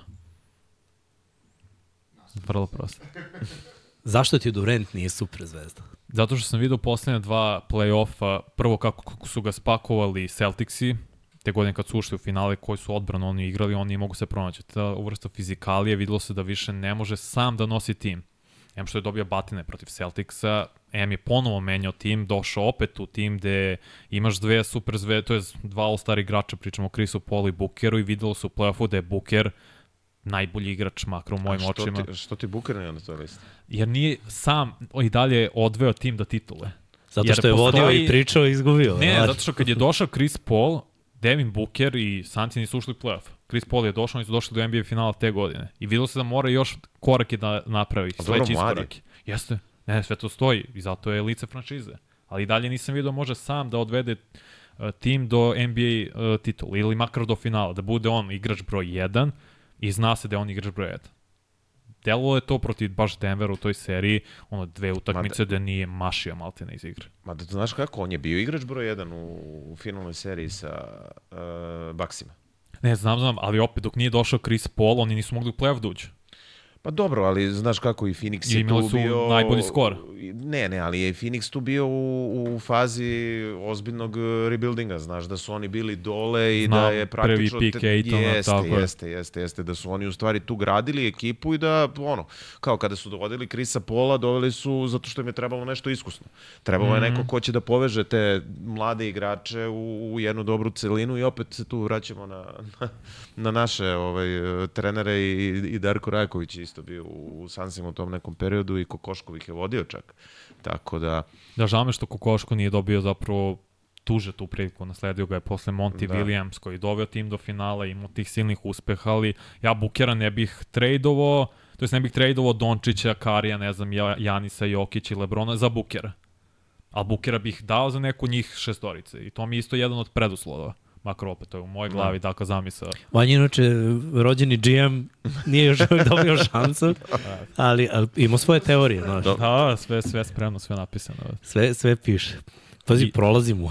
Neke stvari mu i prolaze. Da, daj, all, daj treću, jer ja sam podelio po super zvezde, lice franšize, all-star igrači i zvezde. Tako je makar u mojoj glavi kako se to tir igra, kao on, po nivoima ko je kakav igrač se ne moramo sve da vidimo dovoljno ljudi, to je da prolazimo sve dovoljno ljudi da vide. Brown, Siakam, Randall, Branson, Adebayo, Young, Lavin, DeRozan, sada Harden, Murray, koji nije bio do sad nikad All-Star igrač, ali ono što je pokazao u play-offu, zbog toga sam morao ga stavim nivo iznad. Carl Anthony Towns, Kyrie Irving, uh, ovaj, Jaren Jackson. Tako je, Jaren Jackson, Zion Williamson, koji zbog povreda nije lica franšize, jer je da. previše povređen. Ingram je tu koji igra sjajno, Paul George mi je pao sa tog nivoa, prošle godine je malo mu igra Bradley Bill, Sabonis, Holiday, Garland i Kelly Burton. A ovo ostalo zvezde ne moram da očkitam, stvarno ima ih 20 osmorica. Mislim da Dobro, pusti Samo pusti da vide ljudi. Pustio si opet All-Star. Daj malo da vidimo te zvezde. Koga si sve stavio da bude zvezda? Ko te najviše iznenađuje, to je obojicu? Jordan Poole. Pa Jordan Poole 20 godina za redno beleži 20 poena. On je... U Golden State. Pa dobro, sad će još više, što nema ko u Washingtonu u suštini. Tu je Kuzma. Kuzma. Da, Kuzma mi je nivo iznad vrlo dobrog startera. Jer i nakon Zvezde imaš vrlo dobar starter, starter. Te ta dva nećemo gledati, to je previše igrača. Ali mi je na istom nivou kao što su mi Jordan Clarkson, ne znam, Aferni uh, Simons i tako dalje, tako dalje. To su meni sličan tip igrača Zvezda, ali nisu još na All-Star nivou ili nisu konstantno Ili su nekad nivou. bile kao Wiggins, All-Star nivo je. ili Clay, pa sad decline, pa više nisu. Tako je, Draymond Green. Vemba njemu sam stavio zato što nikad u životu nisam vidio nešto nalik njemu. Da, da. Dobro, Vemba je Zvezda, pa da. Znaš, pompa je oko njega. Pa, dobro, pojavila se pre nego što je draftovan, pa je draftovan i sad igra lepo i mislim, malo, malo zavrti ako, YouTube ako, ili bilo Ako ostane zdrav, mislim da prva ovaj, nagrada je njegova za, za najboljeg mladog igrača, najboljeg rukija. Inače, Nikola je zamenio, stavio Bridgesa iz Horneca umesto ovog Ma, iz... Uh, Mikala. Iz, da, da, da, iz da, da, da. da. O, uf, da, Bridges iz Horneca. Nećemo to. Da sad smo ih videli. Da, No ne, nema potrebe. Ako ljude zanima, ono, lako ću da obrazložim ko je zašto tu. To je u suštini to. Četiri nivoa, to su zvezde, all-star igrači, lica franšiza, super zvezde i u mojim očima opet to je vrlo jednostavno i jasno definisano ko je šta i zašto je to. I verujem da će Bridges i Maxi preći u taj all-star nivo igrača nakon ove godine. Ako bi mogo da pređe u superstar i šta je potrebno da se pređe u superstar? Mislim, imaš neke MVP igrača tamo u licima franšize. Pa moram da vidim, na primjer, od Antonija Davisa da zaista bude najbolji igrač u ozbiljnom playoff timu.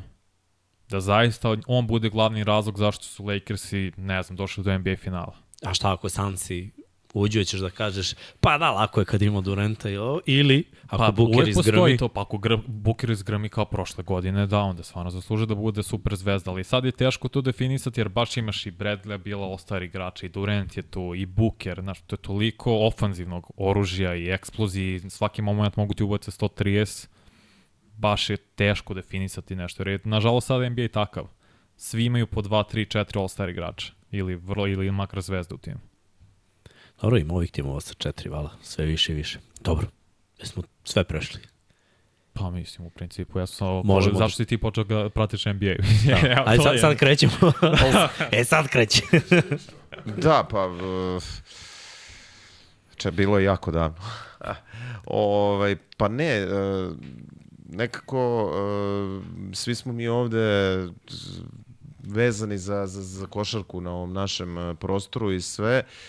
I ta NBA liga je bila onako dosta mistična za sve nas. Znali smo da to negde postoji, ali ono tamo tih nekih kasnih 80. godina mogo si da vidiš neke slike, e, nabavljale su se, kasnije su krenuli, u stvari, kad, kad su krenuli video rekorderi, pa tako nešto, 87. 88. pa smo pokušavali da dođemo do tih nekih i do, dobijali smo zbog ono pal sekam ono sistema, pa ti često se ono razmrlja, razmrljave ti se boje ono dok gledaš tu utakmicu i sve ostalo. Ovaj, počela je tada otprilike NBA onako da biva globalna i jedva smo dočekali da krene naša televizija kao to da prenosi. Sad pošto smo bili mali, ovaj uglavnom nismo gledali u, u direktnim prenosima, ali smo gledali te neke reprize i sve ostalo i prosto ta košarka je, ne znam, i onda kada su prvi ti neki naši igrači počeli da odlaze odavde, kada je otišao Divac, kada je, ne znam, ono kao konačno doneta ta odluka da, da, da NBA igrači mogu da igraju na, na, na, na olimpijskim igrama, sve to bilo super, ali seća se ono, bilo je nekih tih albuma i izlazio taj čuveni koš magazin, pa kasnije super koš, pa smo to ono kao ne znam, lepili smo postere po, po, po, po, po ormanima i po, po, po zidu. Celo soba mi je bila izlepljena. Da, sam bio da, da. Ali da, to, to, to, to je baš onako, ovaj, baš me vrati onako u neko, neko detinstvo i vreme kad si, kad si ti onako, ovaj, kad smo počinjeni da treniramo tu neku košarku i sve, tako da je baš dugo, dugo je vremena prošlo od tada i jednostavno jednom kada to počneš da gledaš, kada to uđe u krv, ovaj, teško je prestati da, da, da se to gleda. Ja, kaže, koji su ti bili omiljeni, ti neki omiljeni igrači u tom periodu i nakon toga kad se već ono počeo 5, 6, 7 godina gledaš uzastopno i gleda, pratiš malo, da kažemo, detaljnije, koji su ti bili tada omiljeni igrači i iz kojih razloga? Ja, ja sam recimo u prvom tom NBA finalu sam navio za Lakers. Ovaj Lakers i Detroit. Detroit Pistons mm -hmm. su mhm. uzeli, uzeli su tada, tada, tada titulu. Ovaj, pa ne znam, ono, kao Magic Johnson.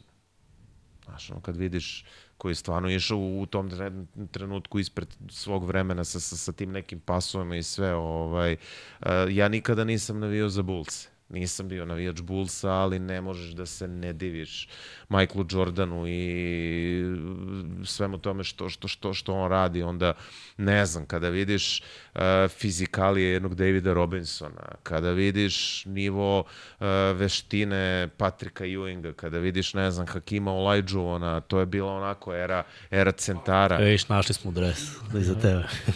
e, da.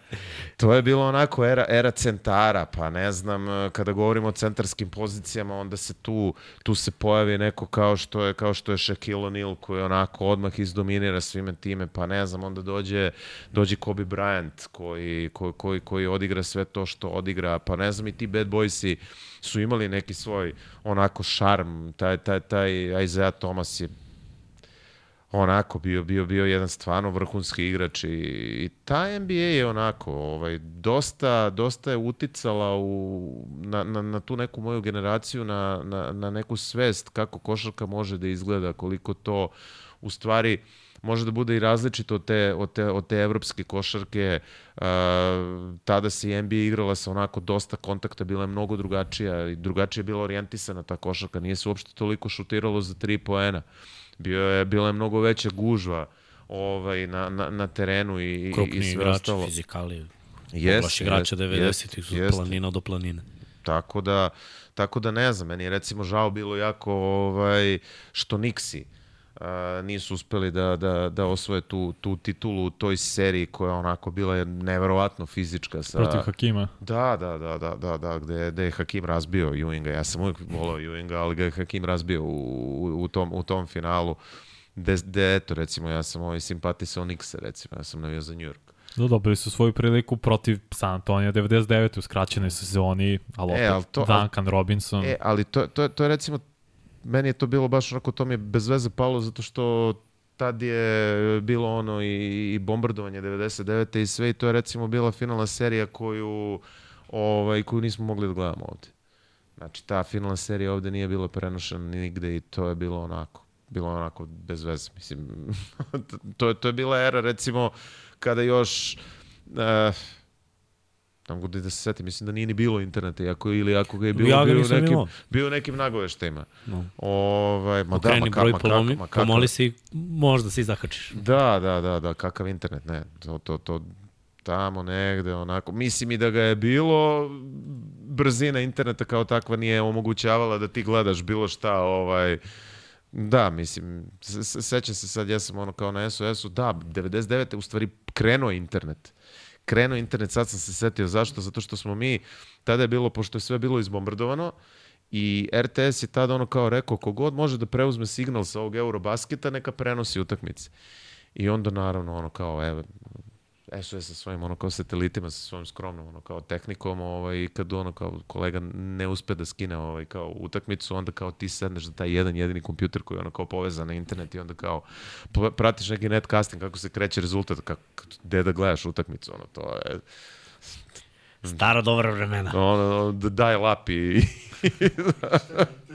da, tako, tako da da, to 99. mi je recimo ono kao finale koga se ono suštinski najmanje sećam, ono kao ispratiš rezultat, ali nisi kao gledao te neke utakmice. Šta pište? I mislim, i to, i, to, i to je bila ona skraćena sezona, pošto da, da. je 98. je bio onaj lockout uh, kada, kada su uh, gomila ovaj, NBA igrača nije mogla da igra na, na, na tom svetskom prvenstvu 98. Pa recimo Divac nije mogao da igra za nas, pa su Amerikanci došli u ono kao u timu u nekom sastavljanju od evropskih igrača uzeli treće mesto, uzeli bronzu. Tako da je to bilo onako zanimljivo. Sa Vendalom Aleksisom, čini mi se, ne znam ko je još bio tu. Ovaj, tako, da, tako da definitivno od tih nekih 80-ih godina, ovaj, prvi neki kontakti kroz prvo te, te magazine, sećam se da su bili neki albumi sa, sa, sa, sa sličicama. I ostavlja, da, bilo je toga, ali bilo je, kupiš magazin, imaš veliki poster u sredini. Yes. Kupovalo, ja se sećam. Najveći sam imao Vinca Cartera, kucanje sa takmičenja kroz noge, ono, da, na, da, Aliju, da. to mi je bilo veličine vrata.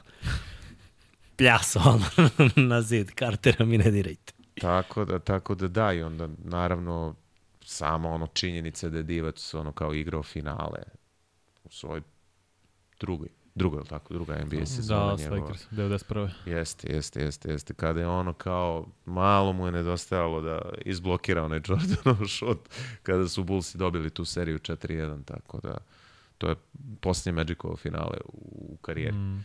Tako da je, onako, baš, baš jako, jako dugo, dugo pratim taj NBA i nisam kao klinac ovaj nisam mogao da da da da sanjam ovaj da ću uopšte prisustvovati utakmicama NBA finala, kamoli da budeš deo te priče u nekom smislu da sad ti kao to komentarišeš, ovaj, da, mislim, ono, osjetiš se stvarno, vra, vratite to nešto u prošlo, sre, sreli smo, ne znam, Isaiah Tomasa tokom finala Milwaukee i Phoenixa, ono, kao, mi nemamo baš ne, nešto, nešto tu praksu, kao da sad vučemo igrače za rukavi, kao, ono, kao, aj slika, ali kao, kao čekaj, kao Tomas, kao daj.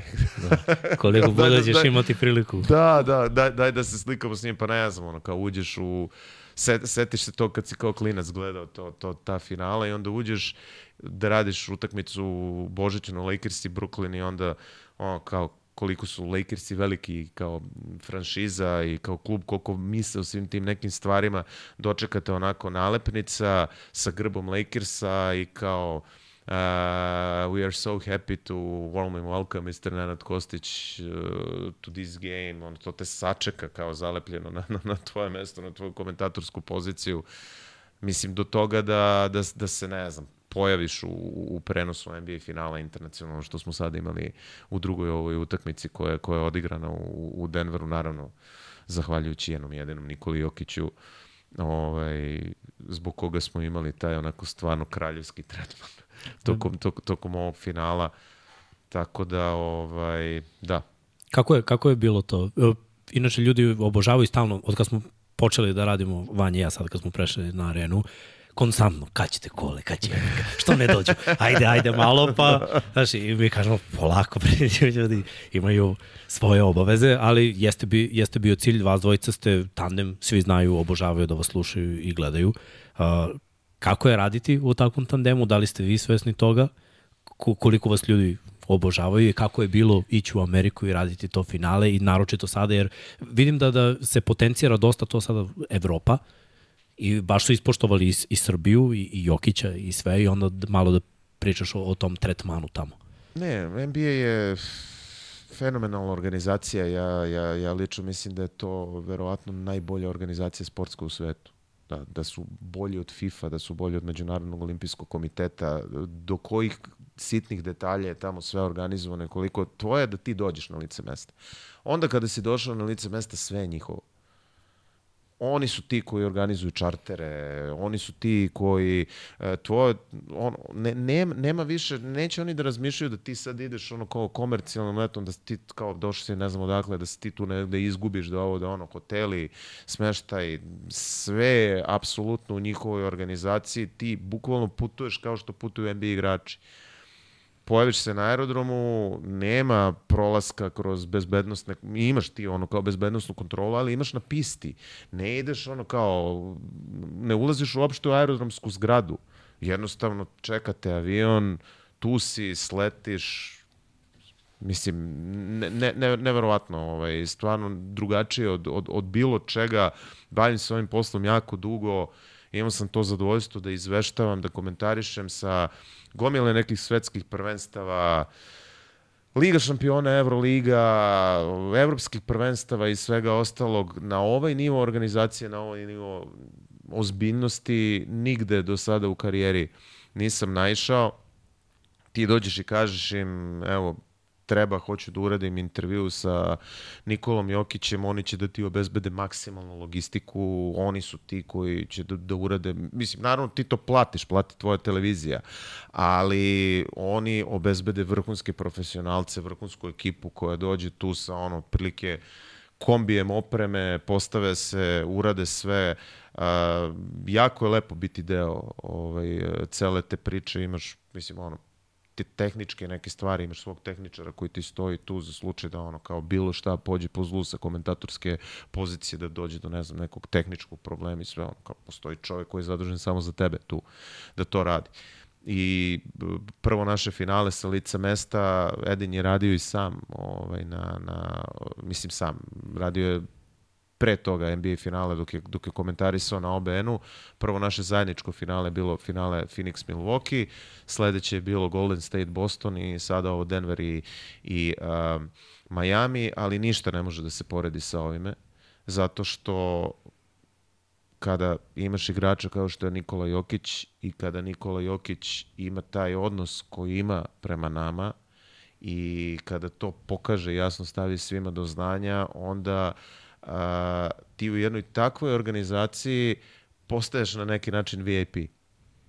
A, onda ogroman broj američkih medija počinje da se interesuje za tebe. Onda ti od jedan put dođeš u situaciju da daješ izjave za New York Times, za Washington Post, da se pojaviš u, u filmu u NBA finalu, da se pojaviš u tom prenosu, da neki Mike Breen, komentator ESPN-a, dođe i pročita tvoje ime i prezime, da se ono kao naš jezik čuje u tom prenosu koji, koji u tom trenutku gleda ne znam koliko desetina miliona Amerikanaca ovaj, stvar, stvarno, stvarno, neverovatno. Onako, baš uh, za nezaborav, a za sve to vreme si tu i imaš i ono pas za, za, za, za slačionice i mislim njima je bilo onako, svima je bilo neverovatno uh, prvo kako on komunicira sa nama, zato što je on ono jednostavno takav je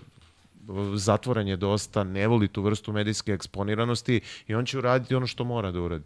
I onda oni odjedan put vide e, Nikolu Jokića koji dođe i nasmejan je tokom intervjua i ostane posle da ono kao još tu nešto iskomunicira i sve ostalo i onda im je to bilo ono kao kao dobro momci kako? I sad mi kao pa što pitate nas, pitate njega, on je taj koji, koji, koji, koji donese za neku vrstu odluke. Uh, Ovaj, I onda smo stvarno bili, uh, pored, naravno, naravno da je sve to u centru pažnje, ali ta neka priča koja prati to NBA finale i sve te utakmice, mi smo bili ti koji su bili onako u nekom tom fokusu američke te javnosti, američkih tih medija i kažem, ne postoji ništa bolje zaista ne postoji bolji osjećaj u ovom poslu nego, nego, nego doživeti, doživeti tako nešto. A ti nemaš društvene mreže Miksa. Naj, meni najlepša stvar jeste kad vrtim Instagram, stignem do NBA-a, objave post internacionalnih kao komentatora i onda dođeš do Arena Sport, Edi Nikole kad se čuju. Znaš, ne mogu ti obići, to vidi milion i milion ljudi piše gore Arena Sport da. i čuješ njihov glas kako jedan potez prokomentarišu i to NBA zaista vodi računa s tim sitnim detaljima, čak i na društvenim mrežama gde žele da promovišu to, žele da promovišu srpske komentatore, ne znam, dosta stavljaju španski komentator, komentator čak iz Južne Koreje, iz nekog razloga izuzetno gure, razumem, K-pop i sve to je sad glavni fokus, Lakersa dočekali jednu baš grupu, ali baš vode računa tim sitnim detaljima, jer će to njima zapravo uraditi najbolju promociju samog sporta. Jeste. Da, i kroz ovo dovođenje igrača i sve. Mislim, baš su odradili posao koji, koje druge lige ne rade. Američke profesionalne da, druge da. lige. Evo, pogledaj koliko se mi borimo za, za ono... Bejsbol se trudi to da radi, tračak, zaista. ono, pažnju od NFL-a, bar malo. Ali ja, jako teško, jako. Tako da mi je baš drago ovo što se ispričao, eto, mnogi nisu znali. Uh, ja nisam znao za, za taj vaš tretman i sve to i moram ti priznati da mi je baš drago. Ne, ne, i, i generalno NBA se stvarno potrudi, recimo ne znam, kada je bila evropska utakmica u Parizu, kada su igrali Charlotte i Milwaukee, a, gde mi je fast, fa, fantastična stvar bila u Bersiju je a, na Janisovoj konferenciji je bilo krcato. I onda dođe Michael Jordan dan kasnije ljudi stoje po stolovima. Znači, to je neopisivo i dalje Ma Michael božanstvo koje svi ono kao hoće da vide, mi smo bili na toj konferenciji i sve, ali ono što sam hteo da kažem, NBA se recimo potrudi da uh, svoje medijske partnere nagradi intervjuima sa recimo NBA legendama. I to onda urade u ambijentu na Eiffelovom tornju, ti praviš intervjue sa NBA legendama i tu imaš čas da razgovaraš sa Karimom Dulom Džabarom, sa Magazijem Boxom, sa Bruceom Bowenom, sa Ronijem Turijafom, Del Curry je ispalio i to mu je nekako običaj. Uvek ga dođe i kažu doći će Del Curry, Del Curry nikada ne dođe. Ovaj, ali oni to rade, oni jednostavno se trude da oni budu ti koji će tebe da snabdaju sa uh, vrhunskim sadržajima. Uh, ono što ćeš ti privatno na osnovu svojih nekih kontakata napraviti je tvoja stvar, ali se oni jako trude da tokom finala ne zavisi to recimo samo od tebe i tvoje sposobnosti, nego da oni budu ti koji će svako od internacionalnih televizija obezbediti intervjue, pre-game, post-game intervju, ali naročito pre-game intervju na otvorenim trenizima i tako dalje i tako dalje, tako da tretman uh, a, internacionalnih medija u, u, u NBA organizacije zaista na izuzetno visokom nivou, kažem, neverovatno pomaže kada ste u jako dobrim odnosima sa, sa, sa dvostrukim no. MVP-em. Dobro, zna, znamo koliko ga tamo cene i poštuju. Znaš, ja najviše volim da gledam, pošto TNT kad gledam sa, sa Šekom i koliko on poštuje, koliko je...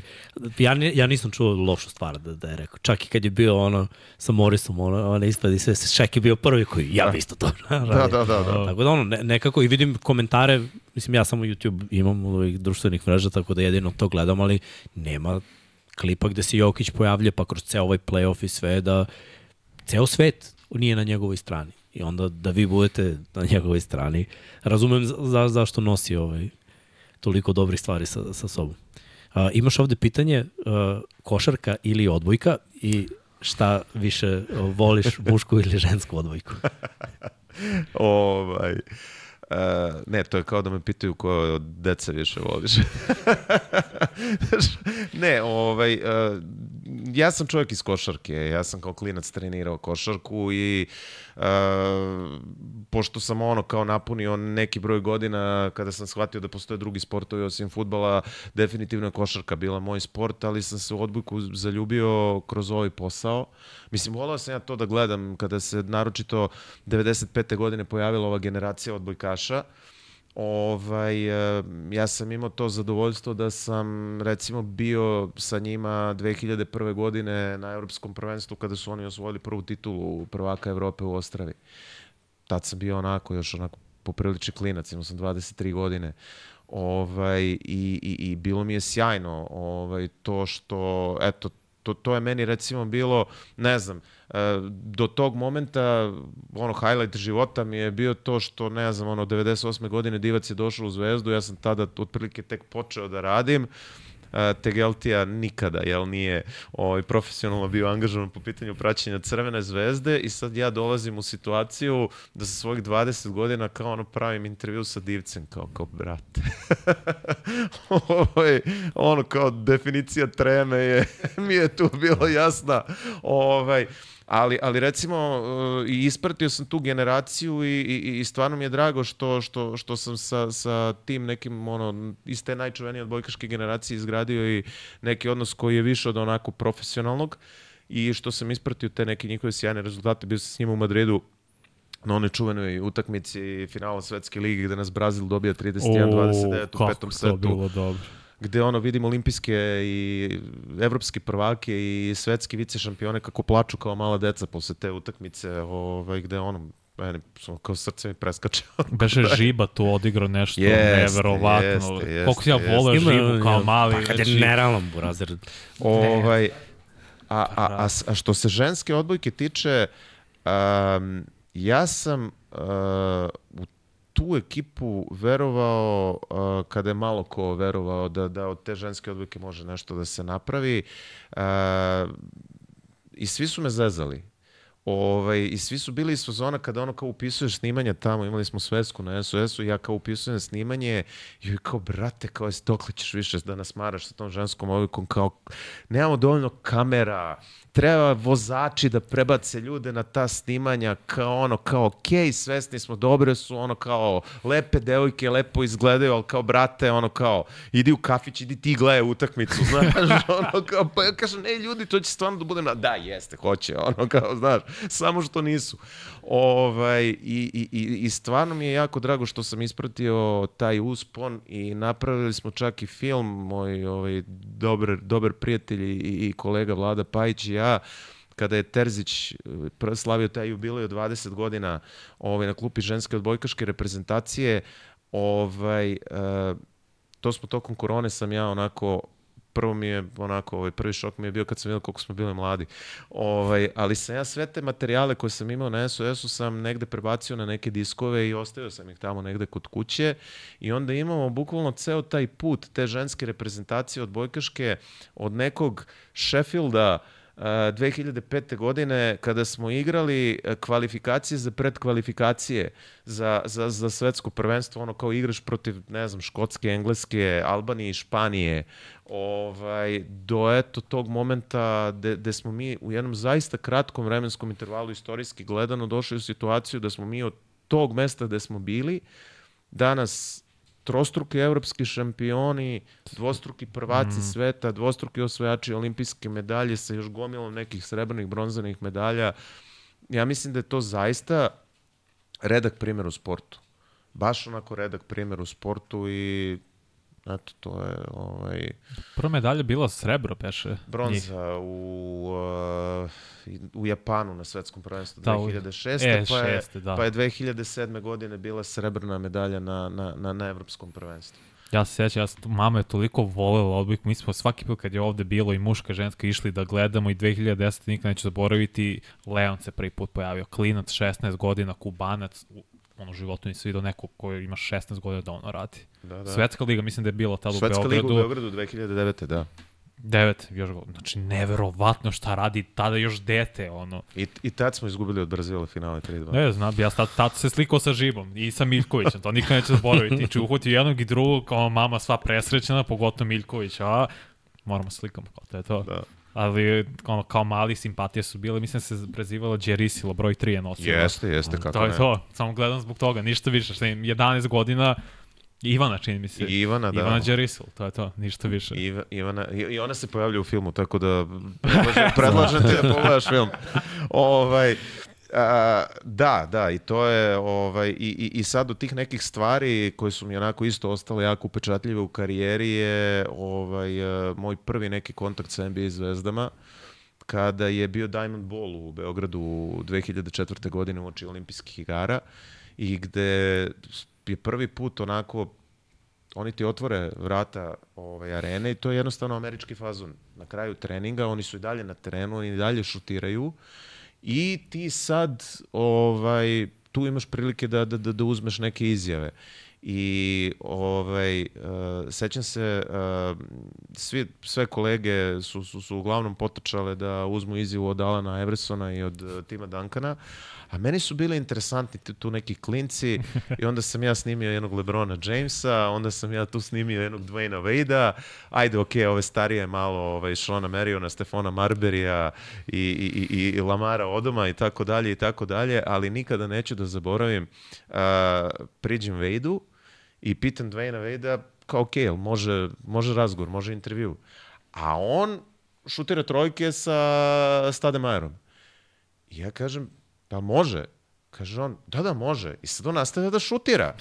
I sad ja stojim onako sa mikrofonom i slegnem ramenima i kao, pa kaže on, ne, pitaj ti, a kaže, ja ću da nastavim da šutiram, nego kao ono, kladili smo se, ovaj, šutiramo u lovu, pa kao hoću da mu dam šansu da me pobedi. Naravno nije ga pobedio, ovaj, on je uredno dao meni izjavu i ovaj, kao uradili smo tu neku priču za nekoliko minuta, on je ovaj, za to vreme pogađao šuteve, Stadamar nije bio neki izrazite šuter, da, tako da ga je Wade dobio. A Mari drvo na početku karijere. Nije imao pol distance dosta od njega. Evo kaže, hoće da mu dam šansu da me pobedi. Okej. Okay. Baš mu je dao šans. Uh, pitaju te koji je bio prvi prenos koji ste radili ti i Edin zajedno. E, to sam zapamtio. Ovaj, prvi prenos koji smo radili zajedno E, sezona 2009-10, čak smo, ovaj, kad smo ukapirali da je 10 godina od našeg, da se bliži 10 godina od našeg prvog prenosa, ovaj, onda smo pronašli datum koji je bio 13. decembra 2009. godine smo uradili prvi prenos zajedno i kada je Edin došao, ja sam bio tu od početka arene, Edin je recimo došao u, novembru, kada je već krenula sezona ABA lige I uh, tad su nas pitali ljudi koji su tada se bavili uređivanjem i pravljanjem tih šema i svega ostalog, pitali su nas da li biste vi radili zajedno. I sad, mi se nismo poznavali u, u tom trenutku. Ja sam znao ko je Edin, Edin je znao ko sam ja, ali prosto nismo bili u prilici da se upoznamo. I rekli smo ono kao, ja sam rekao, nemam nikakav problem, ovaj, ja sam i na Foxu ovaj, komentarisao u tandemu sa, ne znam, Vladom Jaljevićem smo, smo, smo radili utakmice te sezone ovaj, ABA lige, to bi onaj Final Four u Beogradu kada je Partizan dobio zvezdu u polufinalu, a posle Cibonu u, u finalu. I, I to su uz komentare. Ja, znaš, da, da mi imamo malo vremena, inače, pošto da, da, da. je utakmica u 1.15. Da, da, o, privaćemo u kraju, da dogovorimo još na dva, tri pitanja. I... Da, bit ćeš ponovo god, da se razumemo, da, ovo je da, samo da, prva u nizu. O, da, ovaj, da, da si sudobno smestio. Da, ovaj. ovaj. I prva utakmica je bila, uh, bio ono kao dogovor, ajde da, da vidimo kako će to da zvuči. I onda smo radili u nekom matine terminu u 12 sati, uh, igrali su Helios, uh, Domžale i Olimpije. I radili smo prenos te utakmice i ono, bukvalno, a, a Edin je ovaj, uh, došao i bukvalno je to kliknulo na, na, na, na prvu, sve to onako ovaj, od, od samog početka i onda su nas ljudi pitali ono kao je se dogovarate ili to ono kao dinar. Uh, ovaj, pošto su to kao komentatori, kao pomeriš kad ovaj kolega treba da preuzme, ma ne, jednostavno, ono, kao, jednostavno se to poklopilo, kliknulo od prvog prenosa. Da. Pa pa gledaj, stvarno je, stvarno je kliknulo. Uh, imam ti baš pitanje pomenu se ABA ligu, pa pitaju da li ćete se vratiti na prenose ABA ligi ili ostaje ovako. Nije pitanje za nas. To. To, eto. Znam, pazi, stalno je nama ovde. Šta ovo nije, kao... Nije, kao... Eto, nije pitanje za nas to. Uh, pitaju i tebi mene, Pittsburgh ili Tennessee. Se ja kažem Tennessee. Da, tu smo, tu smo podeljeni, da ja verujem u, u Pittsburgh. Ali vrlo verovatno minus. Mogu... Pojeni, da. Da, mogu da se zakune da neće prebaciti 40 ni jedni ni drugi i pitaju da li od Pistonsa očekujemo neki napredak u odnosu na prethodnu sezonu. Pomenuli smo malo uh, o, da. očekujemo ja da bude bolje. Da. Stvarno, da, da, Jalen da, da. Duren, ovaj Jalen Duren kao centrom koji igra sjajno. Kanihe mislim da će baš biti dobar ove godine, ali opet Azur Thompson leti mnogo skokova, znači on je zapravo, jako je krilo, 10, 12 skokova, uvek je na skoku, trudi se tako dobija svoju minutažu.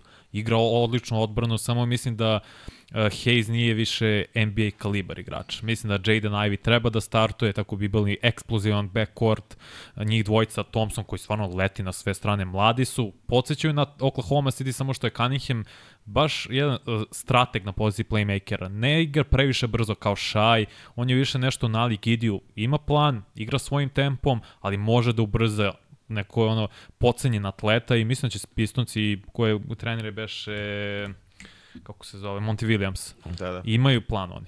Verujem da je plan, ok, ajmo 35 da primjer utakmica pobedimo, napredujemo da svi naši mladi igraju dovoljno i da razvijemo da im ko će Ve, da ostane. Velika stvar je što je Monty Williams tamo.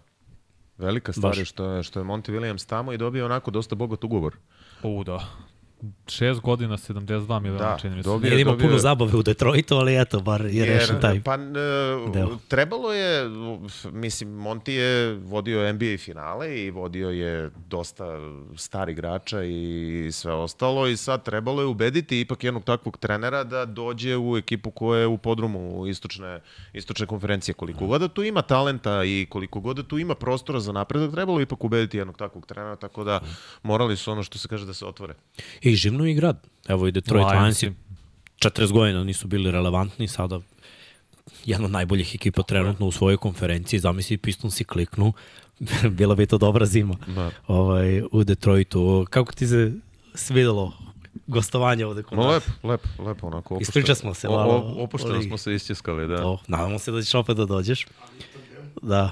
Da, da što? Da, to će se zvati 2 na 2. Da. Da. Neće biti 1 na 1 pod, biće 2 na 2. Da. Biće, biće. Baš, to, Ovaj, bilo bi biće zanimljivo. Imamo i pitanje za Panini. Kažu da se vidi da je NFL dobio malo na popularnosti prelaskom na arenu i da će biti i Panini NFL album u Radim Srbiji. na tome, Mi radim radimo na tome, da, znači da, da obezbedimo to. da svi ti radim, albumi dođu sam, ovde i da se i vi malo ovaj, Aktiviram. obradujete. E, ne znam kako funkcioniš, ali kaže se, pisali smo Jelena i ja već ljudima koji su zapravo distributeri na, na, u našem regionu što se toga tiče, tako da ono, nadamo se da ćemo ostvariti saradnju. Ko zna, zna. Ko zna, vidjet ćemo svakako. Tebi hvala što si bio tu. Hvala vam na pozivu. Izdvojit će, izdvojit će Vanja svašta nešto i, i za Rilse. Svakako vidim i ovde da je bilo dosta ljudi. A da biste slušali Vanju i mene od 1.15 u Thursday night u otvaranju devetog kola NFL-a, sad ćemo ovde da a, završimo priču. Naravno, još jednom da vas posjetim, like, subscribe, sve ono što već ide, čekirajte šta radi Infinity, pratite NBA sezonu, pratite NFL sezonu, sve to imate u direktnim prenosima na kanalima. Arene Sports, Srki pušta Patreone, a mi nestajemo. Veliki pozdrav, ćao!